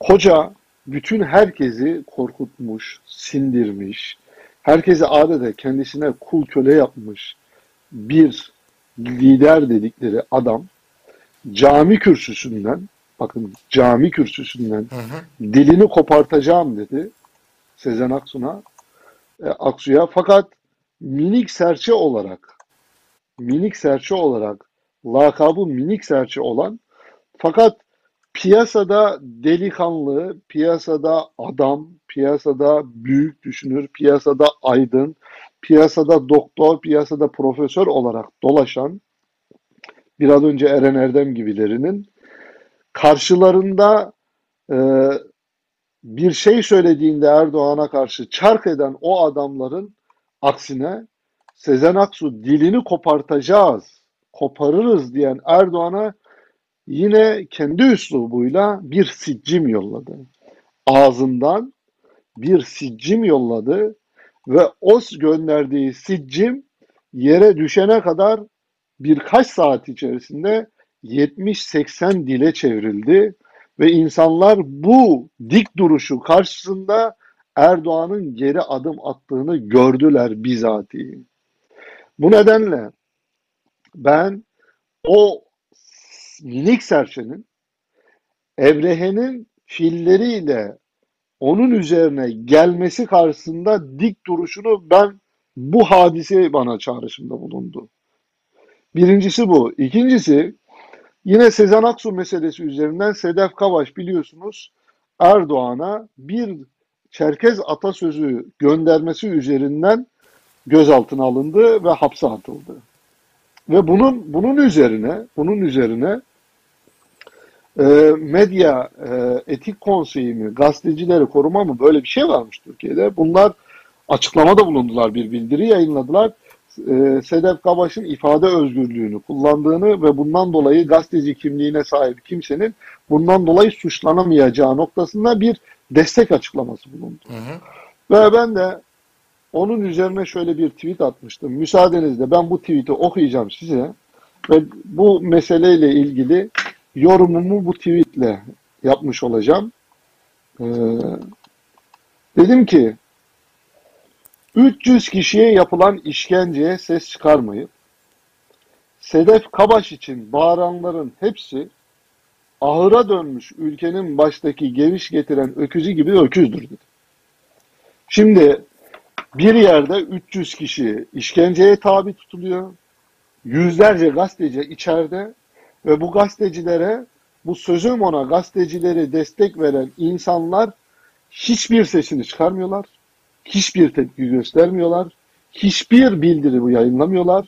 Yazdıkları bildirileri bile yayınlayamayacak kadar korkaklar.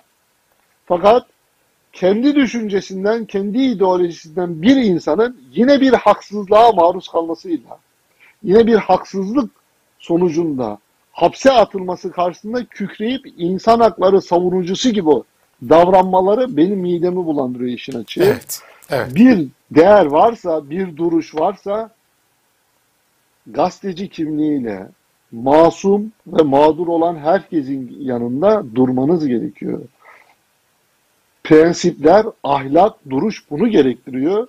Ve bundan dolayı da ben bu insanların ne samimiyetine inanabiliyorum, ne bugünkü duruşlarının samimi olduklarına ve yarın da aynı şekilde davranabilecekleri konusunda emin olamıyorum. Buradan minik serçeye, Sezen Aksu'ya teşekkür ediyorum.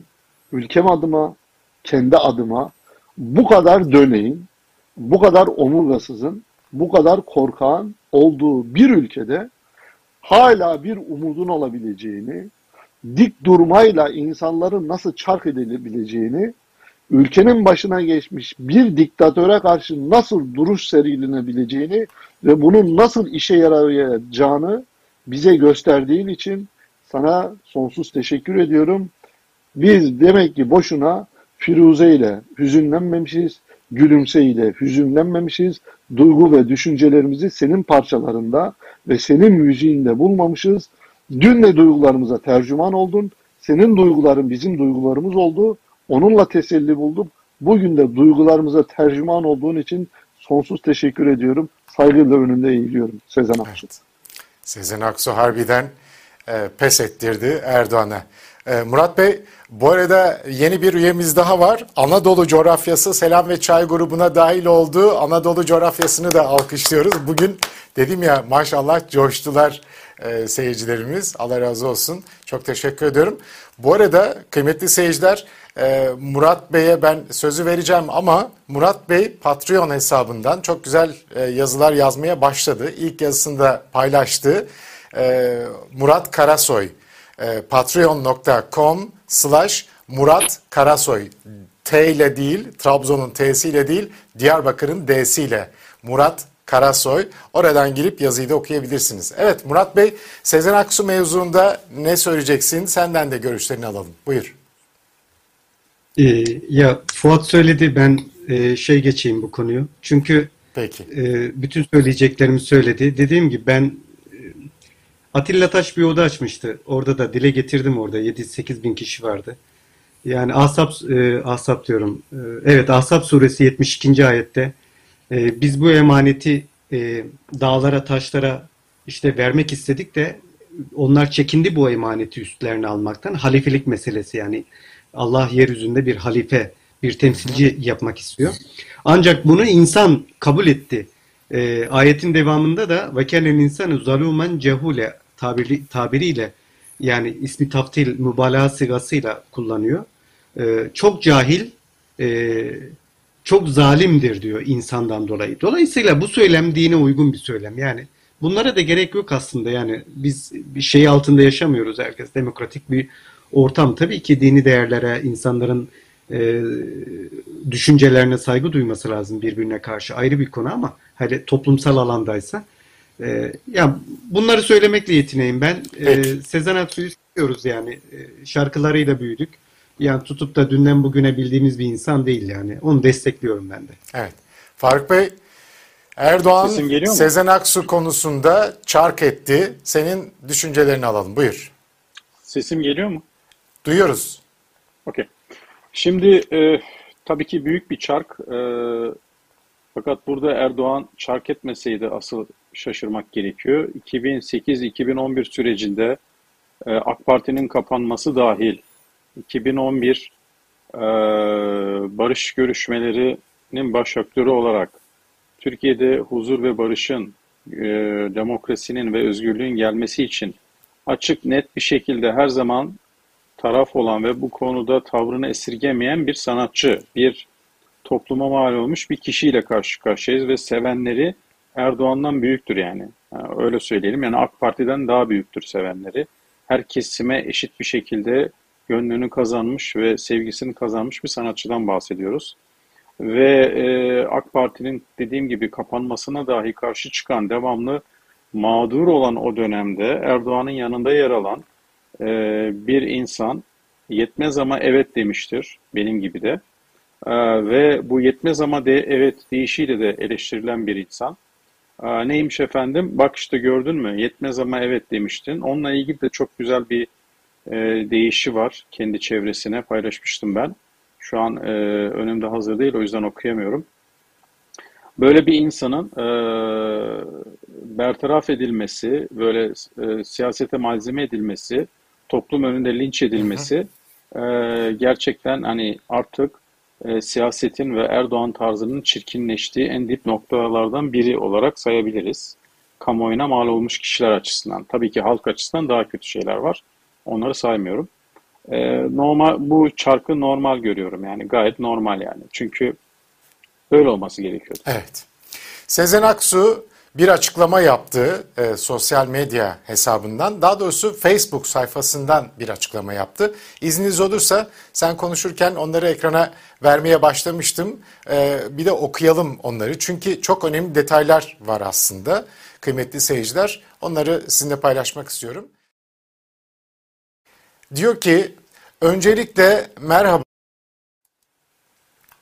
Bireysel ve kurumsal olarak ayrıca televizyon kanallarındaki açık oturumlarda sağduyulu açıklamalarıyla farklı açılardan ele alıp konunun anlaşılmasına çalışan destek mesajları veren, arayan soran tanıdığım tanımadığım tüm dostlarıma teşekkür ederim. Malumunuz olduğu üzere konu ben değilim, konu memleket. Kendimi bildim bileli çeşitli insanlık hallerini gözlemliyor ve söze döküyorum biliyorsunuz diyor ve devamında da Devamında da mesela 2010'da şu şarkıyı yazmışım. Hop dedik. O ne dedi, bu ne dedi, kim ne dedi?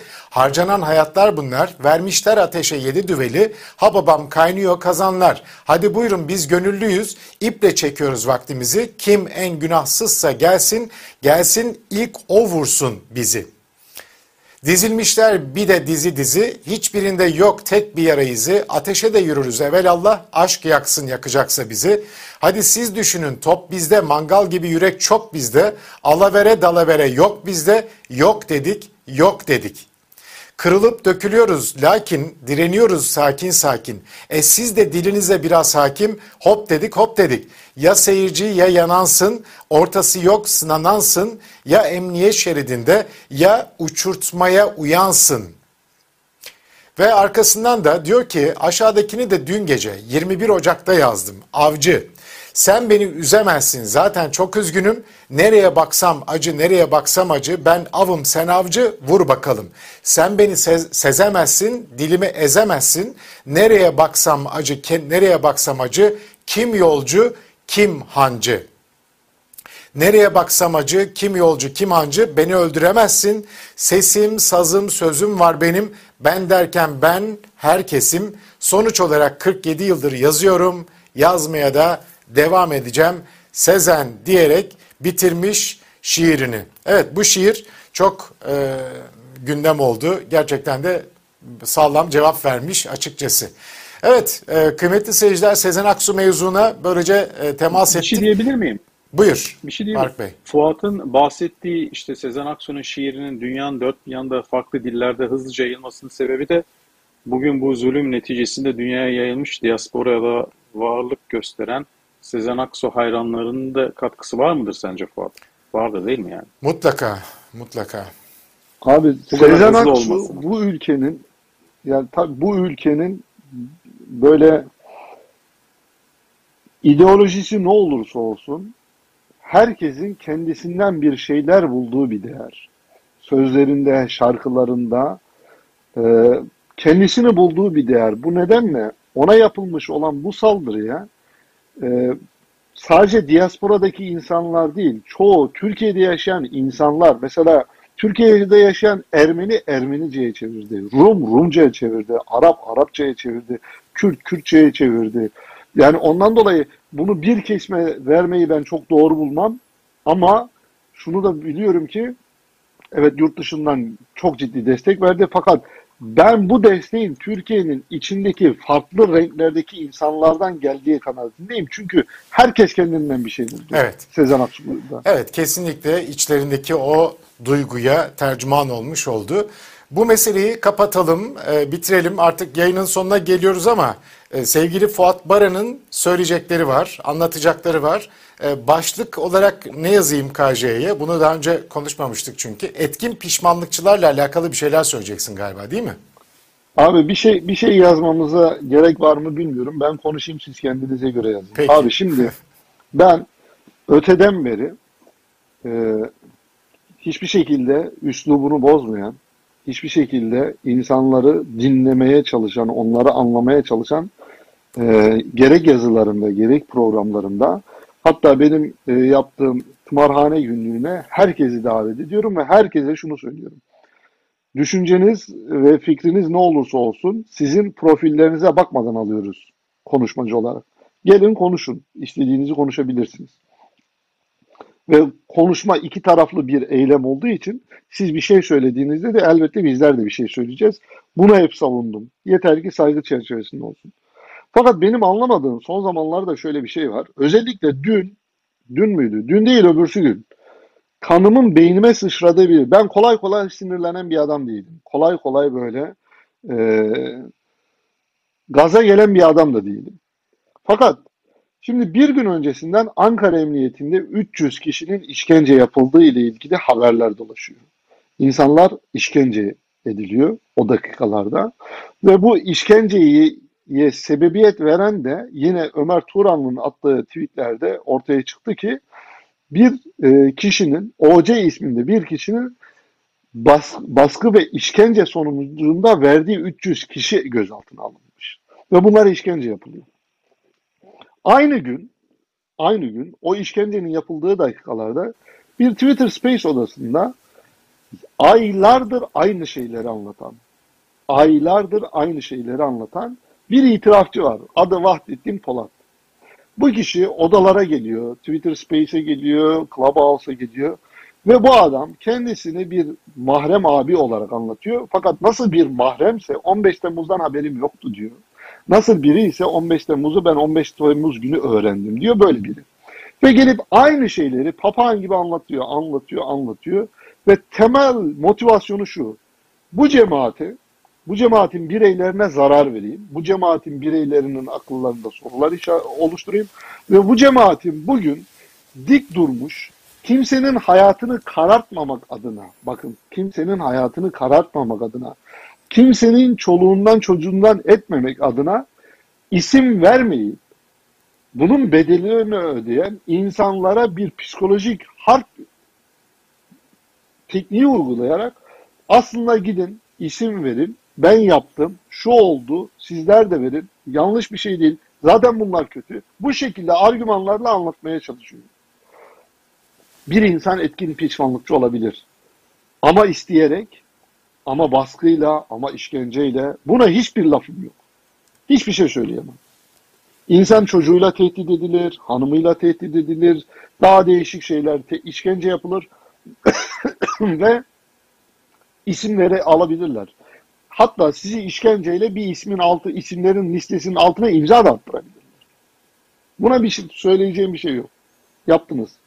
Fakat bir kişi hiçbir şekilde bir bedel ödemeden tamamıyla karşı tarafa zarar verme motivasyonuyla çıkıp insanların isimlerini veriyorsa ve o insanlar verilen bu isimler sonucunda zulme maruz kalıyorsa, çoluğundan çocuğundan ediliyorsa, ülkesinden kaçmak zorunda kalıyorsa ve bunun sonucunda insanlar mağdur olmuşken bu insanın hala gelip bu ortamlarda konuşuyor olması ve bu insana prim veriliyor olması Ankara'da insanlar işkenceye tabi tutulurken benim çok zoruma gidiyor.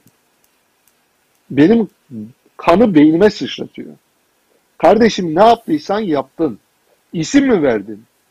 Birilerini mağdur mu ettin? Kalkıp bunu çok iyi bir halt yemiş gibi ballandıra ballandıra anlatman, ballandıra ballandıra özendirmeye çalışman ve sonra da kalkıp biz sarma saran kadının hapse atılmasına karşıyız. biz masumların zulüm görmesine karşıyız diyerek kendinin vicdan münafıklığı yapmanı ben kaldıramıyorum. Ve bunda bugüne kadar sustum ama bundan sonra eğer öyle odalar açıldığını görürsem ve o, o kişilerin tekrar söz hakkı verildiğini görürsem ben karşı odalar açacağım.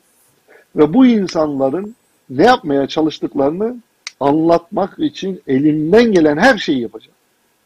Zira siz insanların hayatını karartmanın ne kadar doğru bir şey olduğunu savunacak kadar psikolojik vakalarsınız. Alçaklar. Ahmet Vakalı Efe. değiller. Alçaklar. Ahmet Efe 5-6 yaşında bir çocuktu. Babası yine bir itirafçının şeyiyle hapse girmişti. Annesinin hiçbir suçu yokken annesine pasaport verilmedi ve bu çocuk kanser tedavisi göremediği için, geciktiği için öldü gitti. Bunun ma bunun müsebbibi sizsiniz demiyorum. Hepinizi suçlamıyorum. Ama ve lakin bunu yapan insanlara aklamaya çalışan, o insanlara söz hakkı veren, o insanları promet eden, o insanlara ortam oluşturan ve bu yaptıkları iş çok güzel bir işmiş gibi kendileriyle övünen insanlara diyorum ki bu suçun ortağı da sizsiniz. Zira sizin açtığınız bu yoldan insanlar gidip daha değişik Ahmet Efe'lerin babalarını, annelerini hapse atacak bu ülke. Siz itirafçı olup isim verdiğinizde bu hukuk o insanlara zulmedecek. Gördük Ankara'da yapılıyor. Siz itirafçı olup o isimler verdiğiniz zaman bu insanların hayatı karartılacak. 20 yıl önce ilgilendiğim bir adam 20 yıl önce 20 yıl önce bu insan ilgilenmişim hizmet evine çıkmış okullarında öğretmenlik yapmış mezun olmuş. Ondan sonra evlenmiş barklanmış 20 yıl sonra benim ismimi vermiş. Ben Türkiye'de olsaydım şu anda işkence edilecektim. Hapse atılacaktım hapiste çürüyecektim. Ve siz şu anda aynen size hiçbir kötülüğü olmamış hiçbir e, zararı gelmemiş insanları sırf size sohbet etti diye, zamanında bir şeyler söyledi diye, beraber aynı dershaneye gittiğiniz için, sohbete gittiğiniz için isim veriyorsunuz ve siz bu isimlerin hayatını karartıyorsunuz. Ya yapmışsınız bu haltı, geçin kardeşim bir kenarda, Allah'a mı tövbe edersiniz, devlete mi teşekkür edersiniz, devlet adına başka şeyler mi yaparsınız, ne yapıyorsanız yapın. Fakat kalkıp buralarda gelip hala gelip buralarda güzel bir iş yapmışız, yapmışız gibi ve yapıyormuşuz gibi bu meseleyi, bu iğrençliğin promote edilmesi ve bunların söz hakkı verilmesi ne karşı bugüne kadar susmuştum. Fakat bundan sonraki süreçte söylüyorum. Siz Evet. herhangi bir oda açarsanız ve ben bu odalardan birini görürsem ya beni hepiniz engelleyin, görmeyeyim ya da görürsem anında oda açarım. Anında oda açıp sizin ne halt yediğinizi deşifre etmeye çalışacağım ve bunda bu noktada elimden geleni ardıma koymayacağım. Beraber mücadele etmek lazım e, bu tür durumlara Bir şey karşı. ekleyebilir miyim bu konuda? Buyur Faruk Bey. Aslında. Şimdi bu e, Vahdettin Emir ve birkaç tane daha isim var. Fuat biliyor bunları, Murat da biliyor. İşte daha önce Clubhouse'da konuşuyorlardı. Baktılar orada takipçileri azaldı. Şimdi Twitter Space'e geldiler. İşte orada burada da paylaşım yapıyorlar. Diğer appçi kişiler var. Daha önce cemaatçi olduğunu, işte bir şekilde itirafçı ya da ektiğim pişmanlıktan faydalandıklarını itiraf eden kişiler de var. Onlarla beraber işte birkaç hanımefendi var, beyefendi var. Onlarla beraber böyle bir kendilerine bir e, hale oluşturuyorlar ve bu hale içerisinde kendilerince bir şeyler anlatmaya çalışıyorlar ama tamamen ve tamamen bir propaganda aygıtının unsurları, maşaları olarak görev yapıyorlar. Ve bu kişiler düzenli olarak geliyorlar. Bir ne sürprizdir ki e, bu Gökhan Nuri Bozkur yakalanması, işte bütün olayların açığa çıkmasıyla dün İsa Hafalır da devreye girdi ve Twitter'a geri dönmüş, işte paylaşımlar yapıyor falan. İsa Hafalır da bunları web sitesine taşıyan bir meczup, e, daha önce cemaatçi olduğunu ifade edip, hizmet mensubu olduğunu ifade edip, pişman olduğunu ama işte bunların gerçek yüzü yani tırnak içinde e, FETÖ'cü diye tabir ettiği kişilerin gerçek yüzünü açıklamak için e, belli haber siteleri kurduğunu ve oralarda bu açıklamaları yapacağını ilan edip bunları da yapıp Hanefi Avcı gibi devletin önemli propaganda makinaları ve psikolojik harp uzmanlarını da web sitesine taşıyarak e, aynı zamanda da bu itirafçıları web sitesine taşıyarak buralarda propagandayı yürütüyorlar. Kendilerince bir savaş yürütüyorlar ve yeniden dün itibariyle, bu sabah itibariyle daha doğrusu Türkiye saatiyle dün itibariyle Twitter'a döndüğünü ilan edip işte arkadaşlarına ittifak bekleyen bir zatla karşı karşıyayız. Vahdettin'in de son günlerde olmayıp bugünlerde tekrar ekrana çıkmasını bu motivasyonla açıklayabiliriz. Bence burada da konuşmanın başında anlatmayı unuttum. Hani bir Ergenekon e, Recep Tayyip Erdoğan savaşı olduğunu e, düşünmüyorum. O kadar da şey görmüyorum. Burada tamamen yeniden bir suç e, halesi yaratıp yeni bir e, kesimi içine başka kesimleri de alacak şekilde tekrardan suçlayıp yeni bir e, kriminal dalga yaratmak istiyorlar. Seçimden önce artık tek çareleri bu mu? Başka çareleri de mi var? Ya da insanları zorlayıp zorla çatışmaya mı sürüklemek istiyorlar? Böyle bir halleri var. Yani bunu anlıyoruz bakınca. Maalesef öyle bir durum olduğunu evet. sezinlediğimi ifade etmeye çalışıyorum. Peki arkadaşlar çok teşekkür ederim bugün için 4, 2 saat 13 dakikalık bir yayın oldu. Asım Hocam yani Buyurun. ne cüretle itirafçı olmuşsun insanların e, namahrem hallerini itirafçı gibi anlatmışsın. Çay içtiğin, yemek yediğin, sohbete gittiğin insanları suçluymuş gibi listelemişsin ve onları itiraf ettiğini söyleyerek bir liste beyan etmişsin ve bu insanlar işkenceye maruz kalmış, yurt dışına çıkmaya maruz kalmış, 17 bin tane askeri öğrencinin bir ankesör yüzünden tutuklanmasına sebep olmuş bir zat. E, Fuat'ın dediği gibi bu platformlara gelip hiçbir şey olmamış gibi yaptıklarıyla gurur duyacak bir şekilde bunu ifade etmesi hani kabul edilebilir bir durum değil. Yani bu insanlara evet. lütfen sokakta görürseniz yüzüne tükürün, sosyal medyada görürseniz engelleyin. Yani bunlar konuşmaya fırsat vermeyin. Yani ben evet. onu söylemek istiyorum. Bu konuda aslında özel bir şeyler yapmak lazım da e, sizin söylediklerinizi e, yeterli bulalım. Ağzınıza sağlık arkadaşlar. Faruk Bey teşekkür ediyorum. Murat Bey çok teşekkür ediyorum. Fuat Bey teşekkür ediyorum. İnşallah haftaya kritik yorumda yine buluşacağız. Kıymetli seyirciler noktayı Sezen Aksu'nun en sevilen şarkılarıyla koyuyoruz. Bizden bu haftalık bu kadar.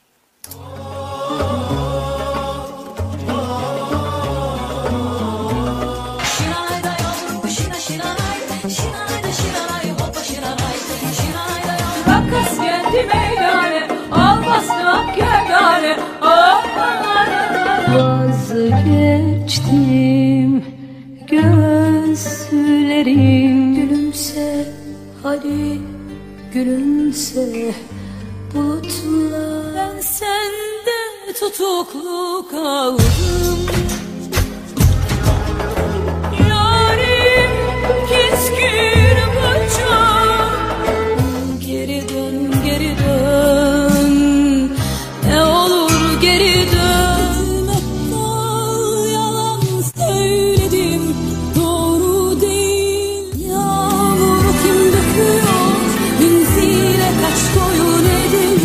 Hadi dur o sarı odalarda durabilirsen Ben sen yanarım tutuşur yanarım kavurur ateşimizi Allah Allah Firuze Allah Anla